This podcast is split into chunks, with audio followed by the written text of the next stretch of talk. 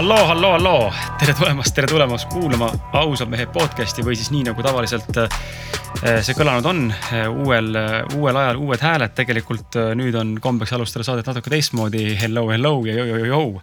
aga ega väga vahet pole, peaasi, et sina saad aru sellest, mida ma öelda tahan sulle oma positiivse vibe'iga. tere tulemast saatesse. käes on ma ei, ma nüüd ei tea, mitmes episood täna käes on.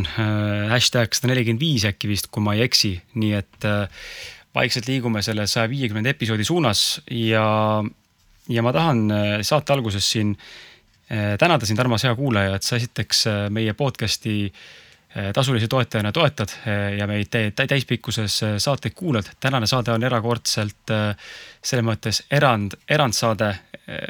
et ta on tasuta kuulatav kõigile, nii et äh, väike, väike preemia, väike boonus siis kõigile meie kuulajatele, mitte et meie tavalised kuulajad, kes täna saate eest maksta ei soovi, oleks kuidagi kehvemad, kindlasti mitte. et igal juhul aitäh teile, et te meid kuulate, oled sa tasuline või mittetasuline, tänu teile me oleme siin, kus me täna oleme ja, ja ma räägin ikkagi meie vormis, sest et mul on ikkagi veel kuidagi nii sees see, et äh, mingi hetk on ilmselt mu kõrval keegi veel saatejuhina ja samas on mingisugune õhkõrn selline selline mälestus äh, Martinist, kes siis saatest on äh, juba tänaseks väga-väga pikalt eemal olnud. nii et ära siis pane pahaks, kui ma räägin meie vormis, ma tegelikult räägin iseendast, äh, aga, aga lihtsalt see meie nii sisse jäänud. ausad mehed live podcast Vol kolm või Vol neli, sõltub kuidas võtta, toimus möödunud laupäeval ja ma tahtsin tänada sind selle eest ka, kui sa olid üks nendest, kes kohale tuli.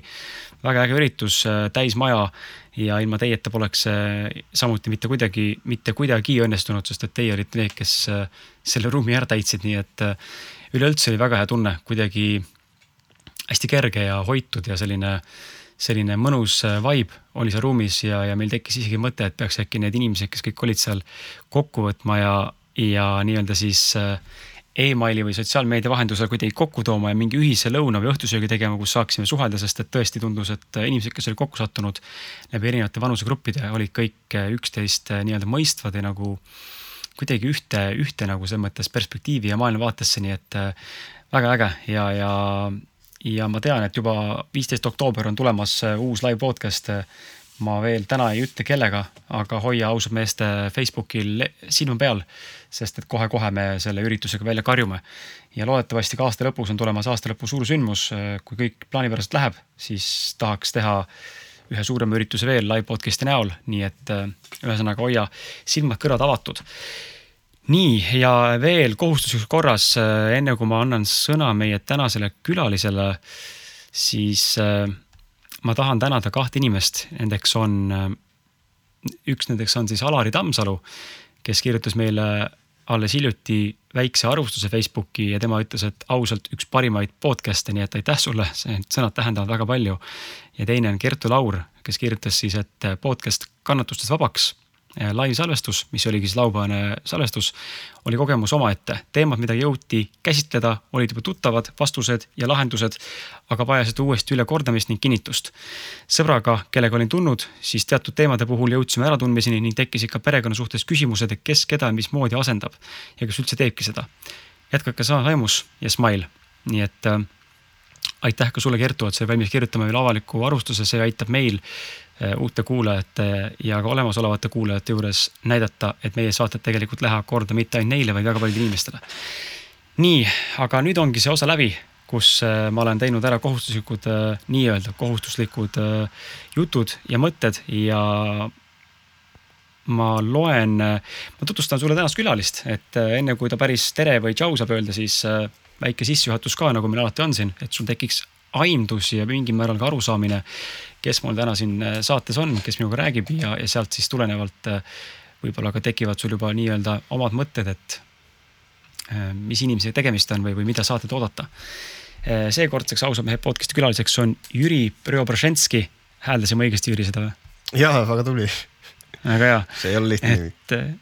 Kes on oma olemuselt ettevõtja ja koolitaja, tuues inimesteni sellise huvitava koolituse nagu story telling'u koolitus. võib-olla on täna ta koolitus juba juures, seda saame kohe Jürilt küsida. Äh, aga Jüri on teinud oma elus väga palju erinevaid asju, nagu näiteks olnud DJ, töötanud kinnisvaraäris, juhtinud meeskondi. samuti ei ole tema elus puudu olnud ka spirituaalsusest, mida on ta läbi psühhedeelikumide ja erinevate praktikate avastanud. ja täna ta jagab ka tegelikult selle, selle ümber nii-öelda oma kogemust ja arusaamist ja taipamisi.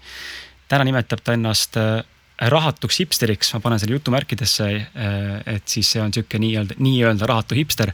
Ja ja ma tegelikult ei tea, kas see oli nali või mitte, aga kuskilt ma selle enda jaoks välja kookisin ning äh, viimaks on siis äh, Jüri otsustanud kolida Hiiumaale. Ja kes ja mis on Jüri tegelikult, selgub tänases saates, nii et tšau, Jüri. tere, tere, aitäh, et kutsusid mind aitäh, et sa tulid. kuulajatel ei ole vahet, aga ma pean teile ära mainima, et me tegelikult Jüriga koos ei ole, me teeme taaskord jälle neti vahendusel. aga selles mõttes päris mõnus on siin sihuke hea kodune õhkkond, et õnneks mul on stuudio nagu salvestustehnika ka olemas ja sihuke vaatad aknast välja ja loodus ja rohelus ja see ongi, see ongi nagu, ma arvan, et üks osa sellest kodustuudio omamisest või, või nagu tegemistest, et sa saad olla vabas vormis oma kodus, tunda ennast vabalt, aga samal ajal teed nagu midagi nii-öelda nagu asjalikku. ja, ja samas ma olen sulle väga tänulik, et äh, sellises äh, vormis praegu siin niiviisi salvestame, sest äh, ma just tegelikult mõned nädalad tagasi alles kolisin Hiiumaale.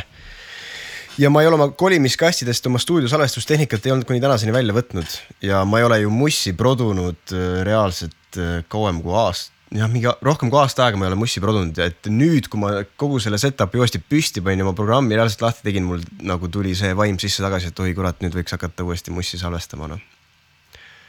See on äh, väga äge, et sa mainid seda, sellepärast et mul tegelikult oli mõttes küsimus, et, et huvitav hmm,, tal nagu on olemas stuudiotehnikat, aga millega ta tegeleb siis, aga mul läks see muusika pool täitsa meelest ära, nii et äh, aga, aga räägigi, kui sa seda mainisid juba, räägi, mis see muusika produtseerimine nagu on ja, ja võib-olla kuidas sinna jõudsid ja, ja hakkame kuskil veeretama, et. no hakkame veeretama, et äh, kui väga varasest noorusest alustada, siis äh, mind nagu omal ajal inspireeris hästi palju nagu rokkmuusika, kasvasin nagu selle sees üles. Äh, Metallica oli nagu see põhibänd, mida ma kuueaastasena koos sõbraga kuulasime, siis me kogusime kassette, isegi salvestasime diktofonile kuhugi oma mingit sihukest raadiosaadet neid lugusid seal ja siis hiljem äh, tekkis huvi kitarrimängu vastu. mul üks sõber ostis omale kitarri, ma olin ise kolmteist. ja siis vaatasin, et oi kui äge, hakkasin ka isalt kauplema, et ole hea, osta mulle kitarr. Ja siis kooli ajal nagu puberteedieas väga palju nagu aitas mind äh, just see muusikaga tegelemine ja kitarri õppimine kuidagi sai oma tähelepanu juhtida nagu mingisugusele hobitegevusele, siis sealt edasi sai bändi tehtud, erinevaid bände kahekümnendate alguses. kuni siis äh, tuli see aeg, kui ma otsustasin kinnisvarast ära tulla, olles seal seitse aastat olnud ja siis äh, hakkas täiesti uus faas mu elus, ma avastasin enda jaoks elektroonilise muusika. Äh, kunagi ma käisin kaks tuhat kuusteist käisin sellisel äh, suurel muusikafestivalil nagu Ziget festival äh, Budapestis. see kestab mingi seitse päeva ja seal käib nagu pool miljonit inimest käib selle aja jooksul läbi ja muusikastiile on siin igasuguseid erinevaid seinast seina. siis ma mäletan, et äh, oli üks moment, kus äh, oli suur sihuke angaarhall, äh, kus ühed DJ-d hakkasid mängima, keda ma olin nagu varem kuulanud ka kuskilt Spotify'st ja see kogemus oli lihtsalt nii võimas, et sealt ma sain nagu oma pisiku. kuidagi elektroonilisel muusikal on nagu Neil on see eelis bändi muusika ees, et see sound, mida sa laivis kuuled, on väga puhas ja seda saab nagu noh, väga võimsalt edasi anda, et bändidel on alati see probleem, et noh, mingisugune heliga jama on alati noh. Ja siis ma vaatasin neid tüüpe mm -hmm. seal laval ja mõtlesin, mine pekki, kurat. ma ei tea, noh, ma olen nagu ärivaldkonnas nagu realiseerinud igasuguseid eesmärke, aga, aga nagu muusikavaldkonnas on midagi nagu jäänud realiseerimata, siis ma kurat unistus oleks küll nagu no ma annaks omale kasvõi aasta, aga ma tahaks paari aasta pärast olla nagu sealsamas nagu suure lava peal nagu need äh, kaks tüüpi ja, ja ise sama asja nagu teha. ja sellega oli eesmärk pandud. Ja siis ma hakkasin, äh, ma leidsin Tallinnast äh, mingi DJ kooli. ja seal oli sihuke instruktor nimega Boriss. ja Borissiga me hakkasime siis mitu korda nädalas kokku saama. ta näitas mulle, kuidas DJ pult töötab ja kuidas üldse nagu rääkis mulle nagu elektroonilise muusika nagu valdkonna nagu nendest stiilidest ja ühesõnaga oli minu selline mentor. ja siis äh, Borissiga me lõpuks äh, hakkasime koos äh, korraldama pidusid.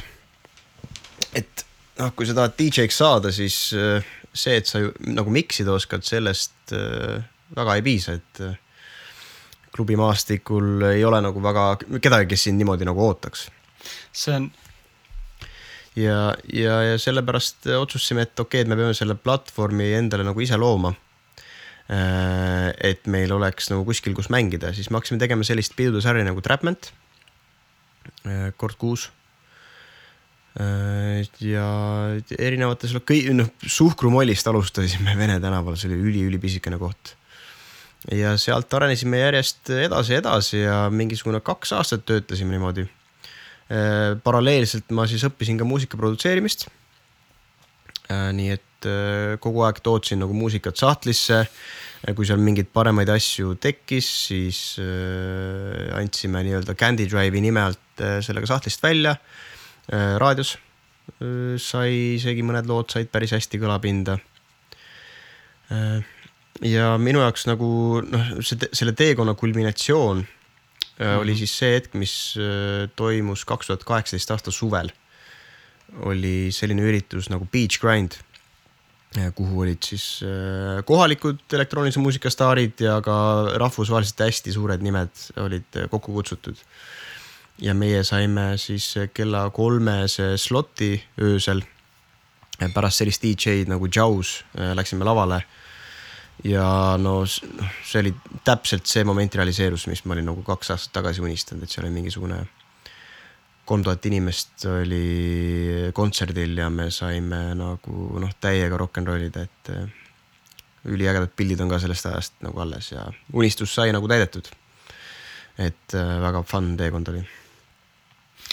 huvitav on see, et äh, sa mainisid seda sahtlisse, sahtliste kirjutamist või nagu tegemist lugude oma, et äh, mis sa arvad, mhm. miks, miks inimestel on see hirm nagu enda, enda nagu loomingut välja panna, sest ma mäletan ise, kui mina esimest raamatut kirjutasin või, või mina nagu olen alati olnud seda meelt, et pigem välja anda ja välja panna, aga ma tean väga palju inimesi, kes ümberringi olid, ei saanud sellest aru ja pigem rääkisid ka, et kuidas ma annan selle välja ja mis must arvatakse mm -hmm. ja mis sina arvad, mis on selle põhjus, miks inimesed ei julge sahtlist äh, nii-öelda väljapoole vaadata ja teisalt, miks seda teha võiks? no eks äh, minu puhul alati on nagu see probleem olnud seotud äh, sõnaga perfektsionism. et äh, kui midagi teed, siis tahaks ikkagi anda välja nagu maksimaalselt hea tulemuse nii-öelda onju. aga selle perfektsionismiga on nagu see lugu, et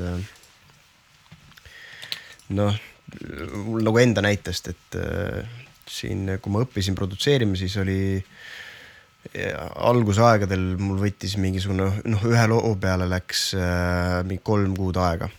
sest kolm kuud istud ja teed ja lihvid seda ühte lugu ja teed seda järjest paremaks ja paremaks ja paremaks ja siis üks hetk mõtled, okei okay,, no davai, see on nüüd vist valmis, onju. lased seda oma lähedastele ja siis nad kuulevad, et mm, ei tea noh, see on nagu siuke, no see on siuke enam-vähem okei okay,, onju. aga mm -hmm. no eks see on nagu valus tagasiside sellisel juhul, kui sa tead, et sa oled nagu mingi kolm kuud oma ajast nagu sinna kinni pannud, onju.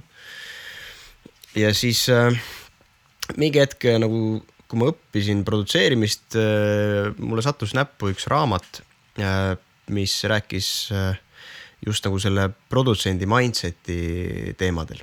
et kuidas nagu oma loovust äh, paremini rakendada äh, ja, ja, ja see raamat andis nagu päris hea äh, sellise eksperiment, e-, eksperimenteerimise nagu süsteemi, et, et võta omale nädal aega mm, -hmm. pane omale kell käima. Äh, ja siis võta eesmärgiks, et iga päev, sul on kaks-kolm tundi aega, et selle kahe-kolme tunni sees sa teed valmis ühe biidi või nagu ühe loo ilma vokaalita siis on ju. ja kui ma olin nädal aega seda eksperimenti teinud noh, see on hoopis teistsugune viis, kuidas sa toodad, sellepärast et noh, kui muidu sul on nagu miljoneid, miljoneid otsuseid, mis sa pead produtseerimise jooksul tegema, üldse heliloomise jooksul, eh, siis see kahetunnine ajapiirang eh, tekitab nagu noh, sa ei saa liiga kaua otsustada mingite asja, sa pead kiiresti otsused vastu võtma. Äh, ja kahe tunni sees tegema lihtsalt mingisuguse asja valmis ja noh, lihtsalt laskma seal minna ja minema nagu eluga edasi. Äh, ja mida ma avastasin, oli see, et, et pärast nädalat aega, kui ma seda materjali kuulsin, siis mõtlesin, et ossa kurat, et, et see nagu kõlab selliselt, noh, ma ei oleks kui ma oleks nagu mingi kolm kuud ühe loo kallal äh, nagu töötanud, ma ei oleks elu sees sellise loominguga lagedale tulnud, et. et sealt tulevad nagu sellised kogemata eksperimenteerimise käigus, kiiresti otsustamise käigus äh, tulevad nagu siuksed äh, mingid ägedad asjad kokku. aga noh, ega muusikas on ka see, et sa pead turundama ka, et sul võib väga hea lugu olla, kui sa turundust ei tee, siis keegi, inimesteni ei jõua su lugu, et pigem anna content'it välja nagu. see läheb et kui sa content'it välja annad kogu aeg, siis sa oled pildis, vaata. See läheb kokku ka sellega tegelikult, mis noh, see puudutabki tegelikult seda turunduse poolt just nagu nimelt seda social'i, sotsiaalset nagu teemat, et content'i pidev mm -hmm. väljapanek on nagu parem kui see, et sa paned nagu harva välja ja mm, -hmm. Ja mis mulle endale nagu ka meeldib sinu jutust tuletatuna ongi, ongi see, et et ajada taga nagu seda perfektsionisti on või perfektsionismi on nagu kihvt ja tore, aga mingi hetk sa nagu põhi, noh, sa, sa jäädki nagu kogu aeg korrigeerima ja paremaks tegema seda ja mitte kunagi mm -hmm. sa ei ole tegelikult lõpuni rahul sellega, seega mm -hmm. see nagu ongi mingil määral kohati ma arvan, et ongi see koht, kus tuleb õppida nagu lahti laskma, et nüüd see projekt on valmis ja, ja ma annan ta välja, sest et inimene vaata muutub ka ajas kogu aeg iga päevaga mm -hmm., võib-olla homme oled juba teine inimene ja mm, -hmm. ja siis sa teed selle laulu uuesti ümber või selle raamatu uuesti ümber, aga niimoodi sa ei jõuagi mitte kunagi nii-öelda siis nagu avalikustamiseni. no täpselt ja noh, teine asi on see, et äh, kui sa kogu aeg nagu lihvid ja üritad asja teha nagu paremaks, siis äh, see loomeprotsess mm -hmm. hakkab äh, noh, muutuma sinu jaoks üsna piinarikkaks, et parem anna välja ja lase minna, vaata see selline on. aga noh, seda on nagu ise ka enda pealt hea näha, et inimestele meeldib kannatada, et äh, ega, ega isegi, ega isegi teinekord ei suuda, ei suuda nagu joont alla tõmmata mingile projektile, vaid tahadki seda lihvida nii-öelda lõpmatuseni mm. ja siis tegelikult juba ongi see oksemaik on suus, sest et tegelikult sul on kõrini sellest. no täpselt noh ja siis noh, kuhu sa lõpuks sellega nagu välja jõuad, on ju, et äh, kui inim-, kui sa ikkagi teed loomingut sellepärast, et sulle meeldib loomingut teha, siis äh, ma räägin, et äh,, et pikas perspektiivis parem flow on nagu see, kui sa teed iga päev ühe loo, äh, lased tast lahti ja siis äh, pärast seda, kui sa oled aasta jagu lugusid teinud, siis küll sealt tulevad mingisugused, no mingi hea materjal ka välja, on ju. et noh, hea näide oli Stig Rästa, ma just hiljaaegu kuulsin tema mingist intervjuust, et ta ütles ka, et. Et ega noh, produtsent ei tea, millest saab lõppkokkuvõttes hitt ja millest ei saa hittlugu, et mm. -hmm. et kui sa nagu võtad selle suhtumise, et eesmärk on see, et iga päev ma teen uue loo või kirjutan mingisuguse uue pala. toodan selle valmis, ei hakka liiga üle maksimeerima, vaata Äh, tekib juba mingisugune oma süsteem või valem, mille järgi seda toodad, on omad sound'id ja, ja siis küll noh, sealt seest juba tuleb nagu seda head materjali, et et eks see on otsuste tegemine ei ole noh, sinna ei tasu nagu lukku jääda, et sellepärast on mõistlik nagu produmise käigus harjutada lahti laskmist. otsuste tegemine on äh, üldse, ma korra vaatan ei tea, ma ei näe, kas, ma ei näe, kas mu naine on siin, aga vahet ei ole, et äh, otsuse tegemine on üldse selles mõttes huvitav asi, et ma olen temaga nagu rääkinud sellest siin viimasel ajal päris palju ja tema on inimesena või inimtüübilt inimene, kellel on väga raske otsustada. Ja, ja minul on see vastupidi liht-, noh, lihtsam, teinekord on tõesti raskem, aga ma ei jää ketrama mingit asja nagu meeletult kauaks, ma teen selle otsuse ära, lähen edasi. ja seda on tegelikult inimeste pealt näha ka, et me alati tahame saada nagu nende võimalike variantide nii-öelda kõiki nagu nii-öelda nagu siis ette näha kõiki teekondi, et kui ma valin variandi A, okei okay,, ma saan sealt üks, kaks, kolm, neli, viis. variant B, okei okay,, tuleb see, see, see, see on ju, et aga mm, aga tegelikult reaalses elus on ikkagi ju see, et sa valid ühe variandi ja tegelikult sa ei saa mitte kunagi tõenäoliselt teada, mis oleks saanud siis, kui sa oleks valinud variandi B või C või D mm. mõnikord õnnestub sul mõlemat rada nagu kombata, aga selge on see, et sa ei saa nagu täismahus mitte kunagi seda valikut, mis sa tegemata jätsid, nagu kogeda mm. -hmm.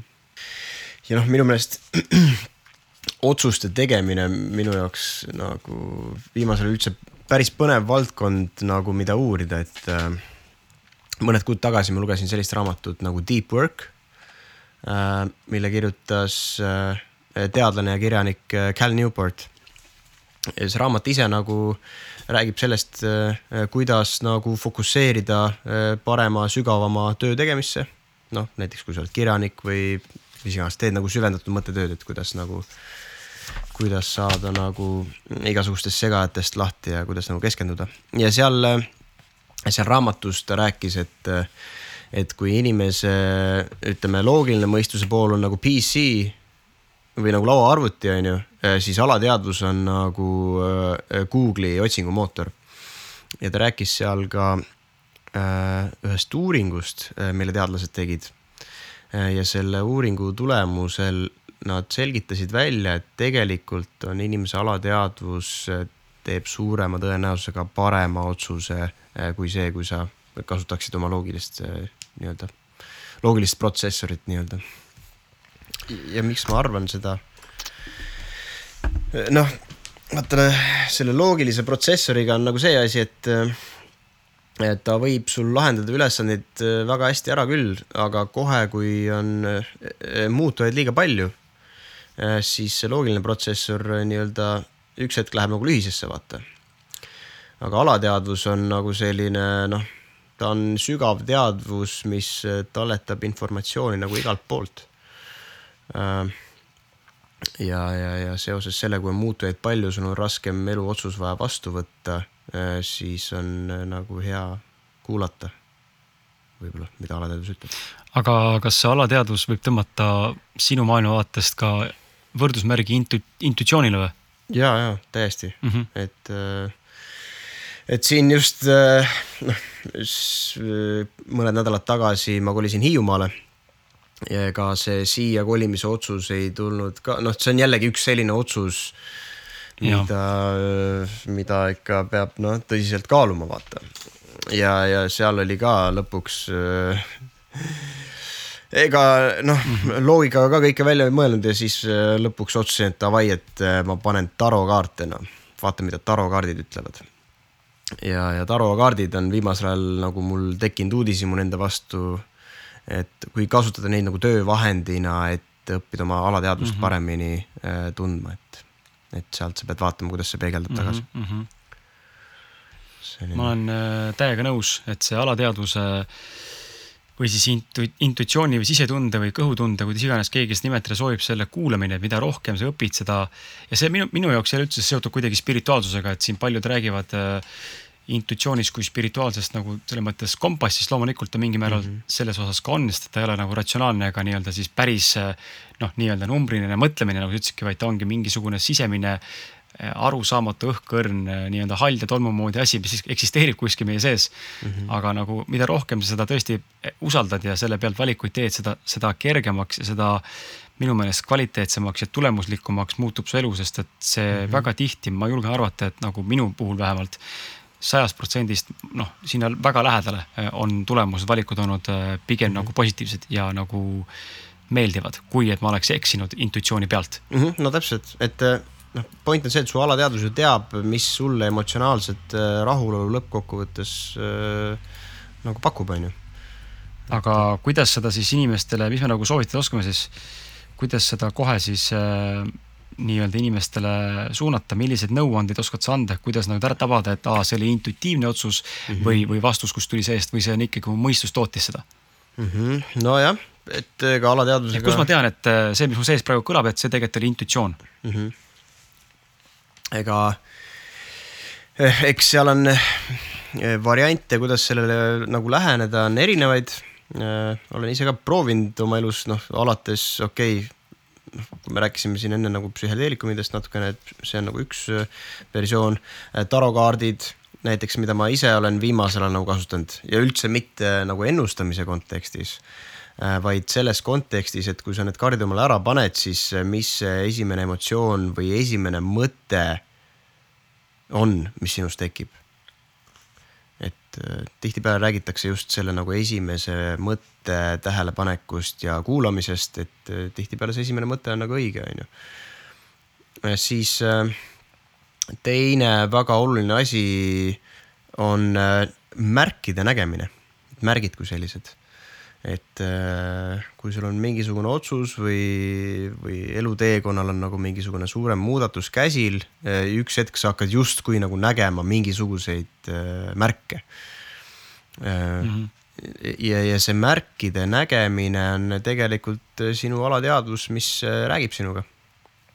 sellepärast tasub seda võtta tõsiselt, et erinevad inimesed ju näevad nagu erinevaid märke, on ju, et, et selle pinnalt noh, saad sa juba oma intuitsiooniga nagu parema connection'i ja, ja, ja noh, kolmas asi, mida ma olen ka siin viimaste kuude jooksul praktiseerinud, on šamaani rännak, kus sa lähed siis trummisaatel, lähed visioonirännakule oma kujutlusvõimega alateadvusesse ja sealt noh, mingisuguste konkreetsete küsimustega ja, ja mm, -hmm. ja, ja siis vaatad, milliseid vastuseid sa sealt nagu saad ja, ja sellele järgnevad kõik muud on nagu juba ratsiona-, ratsionaalselt nii-öelda siis mõistus toodab mm. -hmm.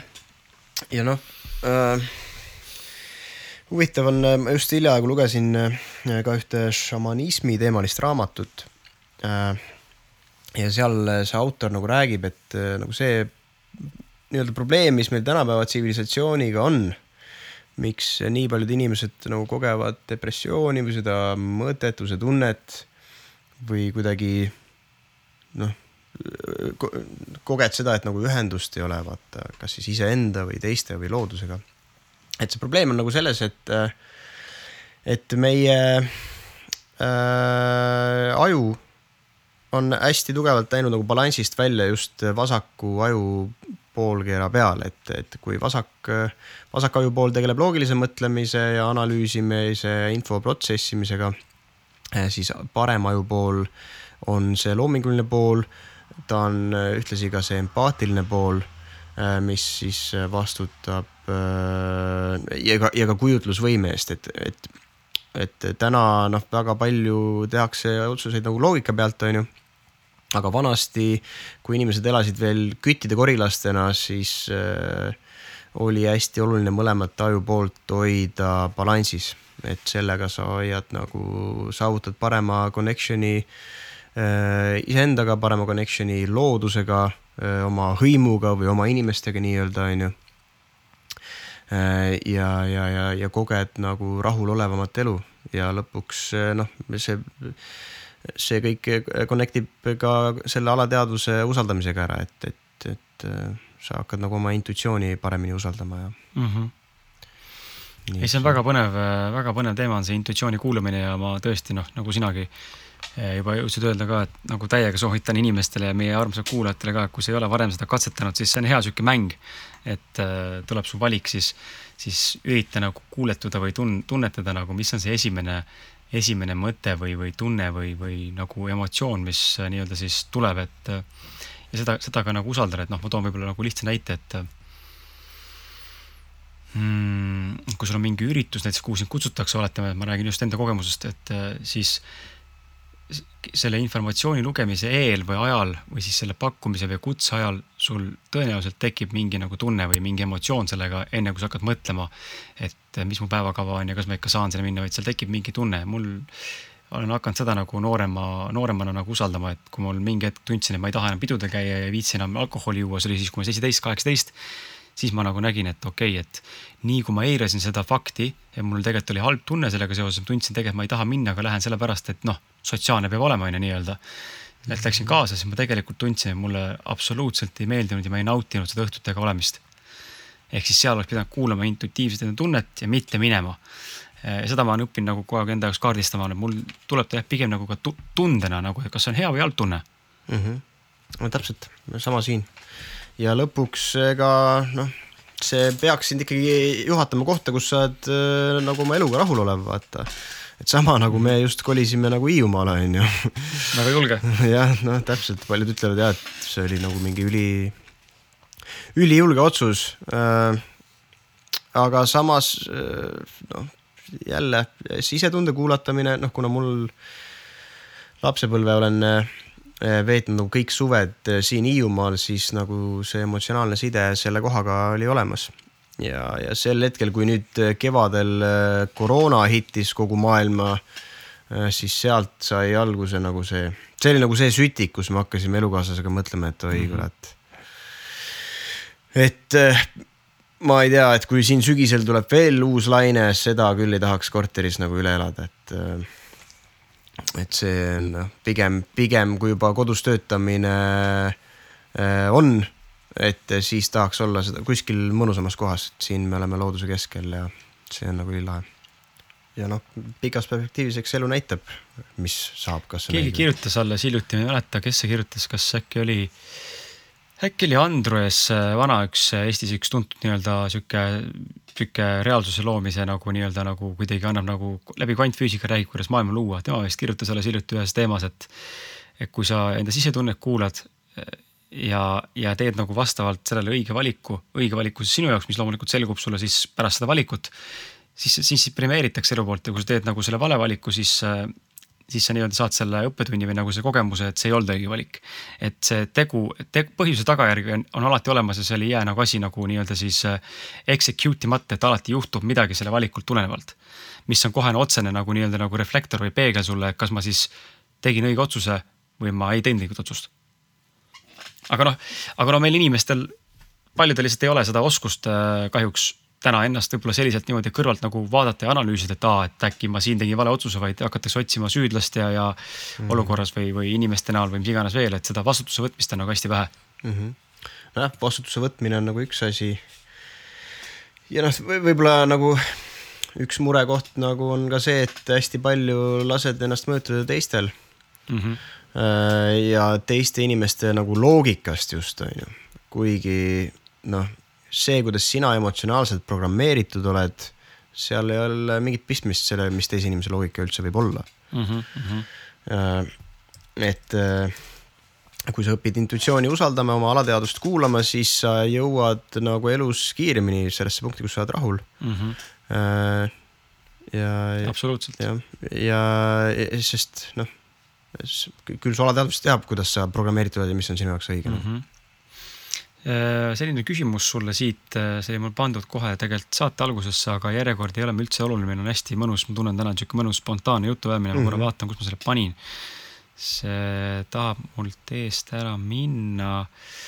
et äh, väga paljusid inimesi tegelikult huvitab ja, ja noh, loomulikult mind ennast ka ja ma usun, et ka sind ennast ja, ja see tegelikult on ajatu, selles mõttes ajatu, ajatu teema, mis äh, mingil põhjusel meiega kogu aeg kaasas käib, et kuidas siis leida enda seda tugevust või enda nagu talenti, et äh, see sõna talent minu jaoks on hästi nagu äh, noh, valesti mõistetav võib-olla, aga just see tugevus või nagu päris seda olemust, kes on nagu minu, minu nagu tõelist nagu skill'i nii-öelda, et oskad sa äkki jagada nõuanded, sest sul on kuskil ma nägin, sa kirjutasid eh, blogipõhjutuse vist, et kuidas sa avastasid enda tegeliku talendi ja kuidas sa tegid sellest kõigest tunni ajaga, et eh, kui sa selle nii kiiresti suutsid ära teha, siis loomulikult sinna nüüd võime juurde ehitada selle loo, et see kakskümmend üheksa aastat oligi ettevalmistus selleks, et sa tunni ajaga saaksid selle ära osata teha, nii nagu on näide selle pealt, et kui Picasso maalib Ehm, vanal ajal maalib nii-öelda siis nagu maali kolmekümne sekundi ja küsib selle eest miljoni euri, siis see ei ole mitte pettus, vaid see on see, et tal on kulunud kolmkümmend aastat selleks, et õppida tegema seda kolmekümne sekundiga mm. -hmm.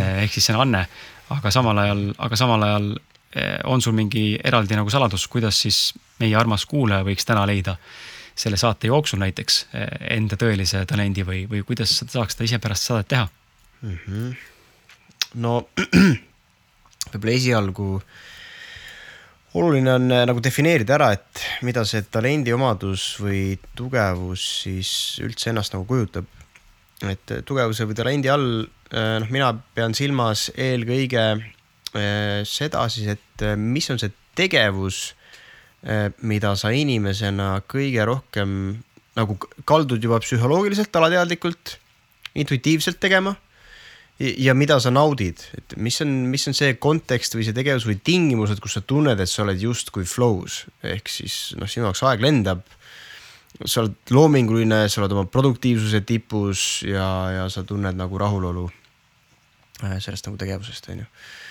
et äh, ja, ja, ja minu jaoks see murrang tegelikult juhtus üldse eelmisel aastal Äh, kui minu kätte sattus üks teatud äh, raamat. Äh, enne kui ma räägin, mis raamat see oli, natukene nagu eellugu ka, et aastal kaks tuhat kaheksateist, kui ma olin käinud Vipassana meditatsioonikursusel ära ja minu jaoks see DJ faas oli nagu lõppemas. siis ma otsustasin, et, et ma hakkan oma elu üles ehitama täiesti puhtalt leheküljelt. lasen lahti sellest kõigest, mis ma olen olnud, võttes kaasa teadmised ja kogemused ja hakata nagu uuesti elu looma puhtalt lehelt. ja esimene nagu mõte, mis mul sel hetkel äh, nagu pealispinnale kerkis, oli see, et okei okay,, et alustame, alustame tugevustest. et, et see on nagu hea alguspunkt, et defineeriks ära, mis tegevused mulle meeldivad, mida ma kipun niikuinii tegema. Ja siis vaataks selle järgi, et äh, kuidas me neid tugevusi ära kasutades äh, saaks inimestele luua väärtust äh, ja siis ma sain eelmisel aastal, kui ma Marmeli kinnisvaras olin, sain juhatuselt kingituseks Alar Ojastu raamatu ratsionaalne emotsionaalsus ja seal on lehekülg sada seitsekümmend kaheksa, hakkab üks peatükk. Ja kui ma mhm. nägin, mis seal pealkirjas kirjas on, siis ma sain aru, et ossa kurat, Alar jõudis oma elus äh, ilmselt täpselt samasse kohta, kus mina, et ta seda hakkas enda jaoks teadvustama. ma vaatan, et sul on see raamat käes, mis seal kirjas on? kõik, kõik, kõik algab oma tugevate külgede tundmisest. täpselt, et kõik algab oma tugevate külgede tundmisest, on ju Äh, ja selles peatükis äh, Alar annab äh, ka ühe testilingi. ja see on siis Gallupi uuringuagentuuri poolt kokku pandud test mm. -hmm. Nende tiim tegi kümnete aastate jooksul nagu mingi sada tuhat intervjuud erinevate edukate inimestega üle maailma. seal oli igasuguseid ettevõtjaid, advokaate, arste, igasuguseid inimesi erinevatest eluvaldkondadest ja seal ja, ja, ja nende intervjuude mõte oli lõpuks äh, tuvastada nii-öelda ühine talendikeel. Ja nad tuvastasid äh, kolmkümmend neli äh, siis tugevust või talendiomadust äh,. ja kui, kui inimene teeb ära selle testi, siis sa saad teada mis need äh, talendiomadused siis sinu puhul on, on ju. E-, esmajärgus öeldakse seda, et sa peaksid keskenduma nagu sellele top viiele. Sealt edasi top kümnele, siis noh, ja navigeerima siis neid pooli, milles sa võib-olla äh, niivõrd äh, tugev ei ole. et äh, aga jah, täna, kui me räägime seda, et kuulaja saaks seda tunni ajaga teha, siis äh, Clifton Strengths on selle testi nimi mina tegin selle ära, igati soovitan. Äh, kas see on äh, tasu, tasuta või tasuline test? Äh, ta on tasuline test. ja seal on kaks versiooni. et odavam versioon on kakskümmend dollarit ja siis kallim versioon on viiskümmend dollarit. et mina tegin selle viiekümnese variandi. vahe on selles, et et selle kallimaga sa saad lihtsalt kõik need kolmkümmend neli nagu järjestuse teada enda puhul. soodsamaga saad äh, top viis.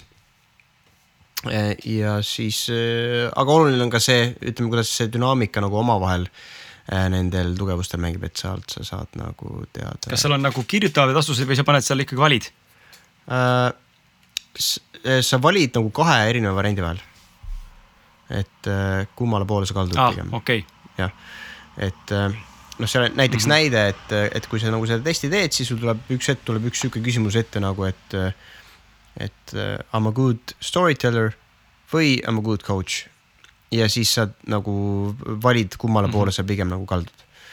ja neid küsimusi kokku on seal kuskil, ma ei, mingi sada kolmkümmend tükki äkki või Uh, iga küsimusele vastamise, iga küsimuse vastamiseks on aega siis inimesele kakskümmend sekundit.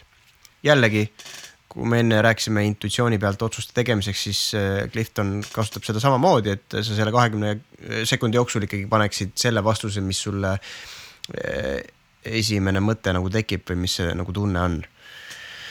et vältida seda, et sa hakkad nagu liiga pikalt loogikaga üle mõtlema ja siis lõpuks võivad testi tulemused nagu valetada aga jah, siis sa saad, kui testi ära teed, siis sa saad kohe teada, mis su top viis tugevust on ja, ja, ja seega, kuidas need tugevuste dünaamika omavahel nagu mängib. et neil on nagu mingi viietuhandene andmebaas erinevatest tekstilõikudest mm -hmm. personaliseeritud. ja siis sa saad nagu mingi pika teksti, mida sa saad enda kohta lugeda ja kui mina seda esimest korda lugesin, siis ma mõtlesin, mine pekki, noh kogu elu on nagu valgustunud, et et sain teada, miks ma nagu olin minevikus mingeid otsuseid teinud mm -hmm. ja ta andis mulle ka väga hea teeviida, kuidas nagu tulevikus otsuseid teha, nii et oma tugevusi rakendada olla. See on huvitav ja, sest et äh, kui mõne kuulajal võib-olla tekib see tunne, et aga ei no aga mis mõttes on nagu võimalik inimesi niimoodi lahterdada, et noh, sada mm -hmm. inimest, sada tuhat inimest ja. ja kõik on mhm. põhimõtteliselt jagavad seda kolmkümmend nelja nii-öelda isikuomaduste skill'i, siis tegelikult ma näen ise sama ka enda podcast'i pealt, ma peaks selle postituse tegema, ma pole ennast kokku võtnud, sest see võtab mul päris mm -hmm. palju aega, aga. mõte, mis ma näen täna tegelikult siin on see, et kui võtaksin kõik saatekülalised kokku, siis ma näen, äh, kuidas sealt tuleb sihuke kümme kümme, kakskümmend kindlat omadust või nagu mingit kindlat teemat, mille, millest, millega kõik on mingil määral kuidagi omavahel kokku puutunud mm. -hmm. ja sellest saaks. ja näiteks nagu õpihimu. ja just. Et selles mõttes on hästi huvitav, noh, ma näen, ongi näiteks järjepidevus või, või kannatlikkus või, või ma ei tea, südikus või mingi asjade töökus mm -hmm. ja, ja autentsus ja mingi ausus ja sind hakkab tulema järjest, et ongi huvitav näha, kuidas. vastutustunne näiteks on ju. ja, ja, ja see, et see kõik nagu vastab, et tegelikult saab inimesi niimoodi noh, et sa ühendadki ära mingisuguse suurema grupi ja tegelikult nende suurema grupi sees on siis mingisugused siuksed paarkümmend tükki nii-öelda väga tugevat punkti, millest tegelikult lähtuvalt põhimõtteliselt saaks teha nagu spikri, et kui sa tahad nagu saada edukaks inimeseks, siis tee neid eh, neljakümmet asja või, või katsu neid neljakümmet asja omandada ja kui sa midagi neist teekonnal omandama hakkad, siis varem või hiljem hakkab elu minema paremuse poole mm. -hmm Mm -hmm. et keegi võiks sihukese nagu äh, kaardi ära teha inimestele, sellise tööriista, ma natuke olen seda loomas sinna. inimesed veel ei tea, ma ei saa siin välja karjuda, aga meil on ausalt meeste -hmm. raamat tulemas. et oh. see mingil määral nagu annab äh, esimese sammu selle asja nagu nägemiseks, aga, aga siin oleks vaja midagi nagu põhjalikumat luua mm. -hmm. ja noh, muidugi üks nüanss veel, mida nagu see Clifton silmas peab, on see, et kui väga paljud sellised koolitused või enesearengu koolitused panevad nagu mingi mm -hmm. kindla nimekirja tegevustest, mida sa peaksid kindlasti tegema, kui sa tahad edukaks saada, noh näide sellest, et loe hästi palju raamatuid, on ju. noh, mina olen kõva raamatute lugeja, on ju. väga õpihimuline, tahan nagu informatsiooni koguda, on ju. aga noh, sealjuures tuleb nagu silmas pidada seda, et kõigile inimestele ei pruugi eh, see meeldida ja, ja mhm. kõikidel mm -hmm. inimestel ei ole nagu sellist psühholoogilist omadust seda, et ma tahaks täiega teadmisi koguda, ma tahaks äh, Äh, hullult palju teadmisi ammutada raamatutest on ju näiteks noh, minu elukaaslane on ka üks nendest, tema talendiomandus on hoopis tegutsemine. et mõni inimene on sihuke see, et ta ei mm -hmm. noh, mhm. ta ei, ta ei viitsi nii palju mõelda ja nagu hullult strateegilise planeerimisega tegeleda, ta tahaks hoopis võtta kätte, hakata kohe panema eesmärgid ja kuradi hakkame pihta, on ju või näiteks äh, Activator on üks selline talendi omadustest selle Cliftoni mõistes on ju, Activatorile meeldibki see, et hakkame, ärme liiga kaua mõtle, hakkame kohe tegutsema, tema saab energiat nagu sellest, on ju. Äh, ja üleüldse äh, need talendi omadused jagunevad nelja kategooriasse. Punane ja värvid siis on vastavad, et punane värv on strategic thinking. sinine värv on relationship building ehk siis suhete loomine, on ju kollane värv on influencing ehk siis inimeste mõjutamine ja lilla värv on siis executing ehk siis täideviimine mm. -hmm. ja, ja siis, kui sa oled nagu testi ära teinud, siis sa saad nagu enda puhul ka vaadata, et kuhu sa kõige rohkem kaldud sellest neljast lahtrist, et noh, minu puhul on näiteks see punane on ehk siis strategic thinking, strateegiline mõtlemine on kõige domineerivam nagu omadus ja üks hetk, kui sa oled näiteks ettevõtte juht äh,, ülihea asi, mida sa saad arvesse võtta, vaata, sest iga juhi nagu juhtimisstiil on erinev äh,. aga kui sa tead oma tugevusi, siis sa saad neid tugevusi ära kasutada, et äh, igati soovitan mm, kõigil seda. päris huvitav, ma panen selle, ma panen selle Gallupi lingi sulle, armas hea kuulaja, kindlasti siia saate kirjeldusse mm. -hmm. et sa saad soovi korra seda läbida, isegi Eh, tegelikult olen mõelnud seda teha, et äkki peaks ka ära tegema. ja, et, eh, et see annab väga-väga eh, head teeviidad, eriti inimesele, kes täna nagu ei tea, mida ta elult üldse tahaks või kuhu poole ta oma karjääriga edasi pürgida tahaks. või kui sa oled kuskil teelahkmel ja sul on vaja teha otsust ja sa ei tea nagu, kumb oleks nagu õnnelikum. siis noh, ma räägin kui sa saad teada oma mm -hmm. tugevused, siis, äh, siis sa saad neid arvesse võtta mõttes teha otsuseid, et ennast rohkem panna situatsiooni, kus sa rakendad oma tugevusi. sa oled ise õnnelikum ja pealegi äh, mm -hmm. nagu ka Gallup ütles äh, või tegi uuringu, et inimene on ka reaalselt, äh, kui ta tugevusi kasutab, ta on kaheksa korda produktiivsem. nii et see on väga-väga suur asi, noh, väga suur asi mm. -hmm.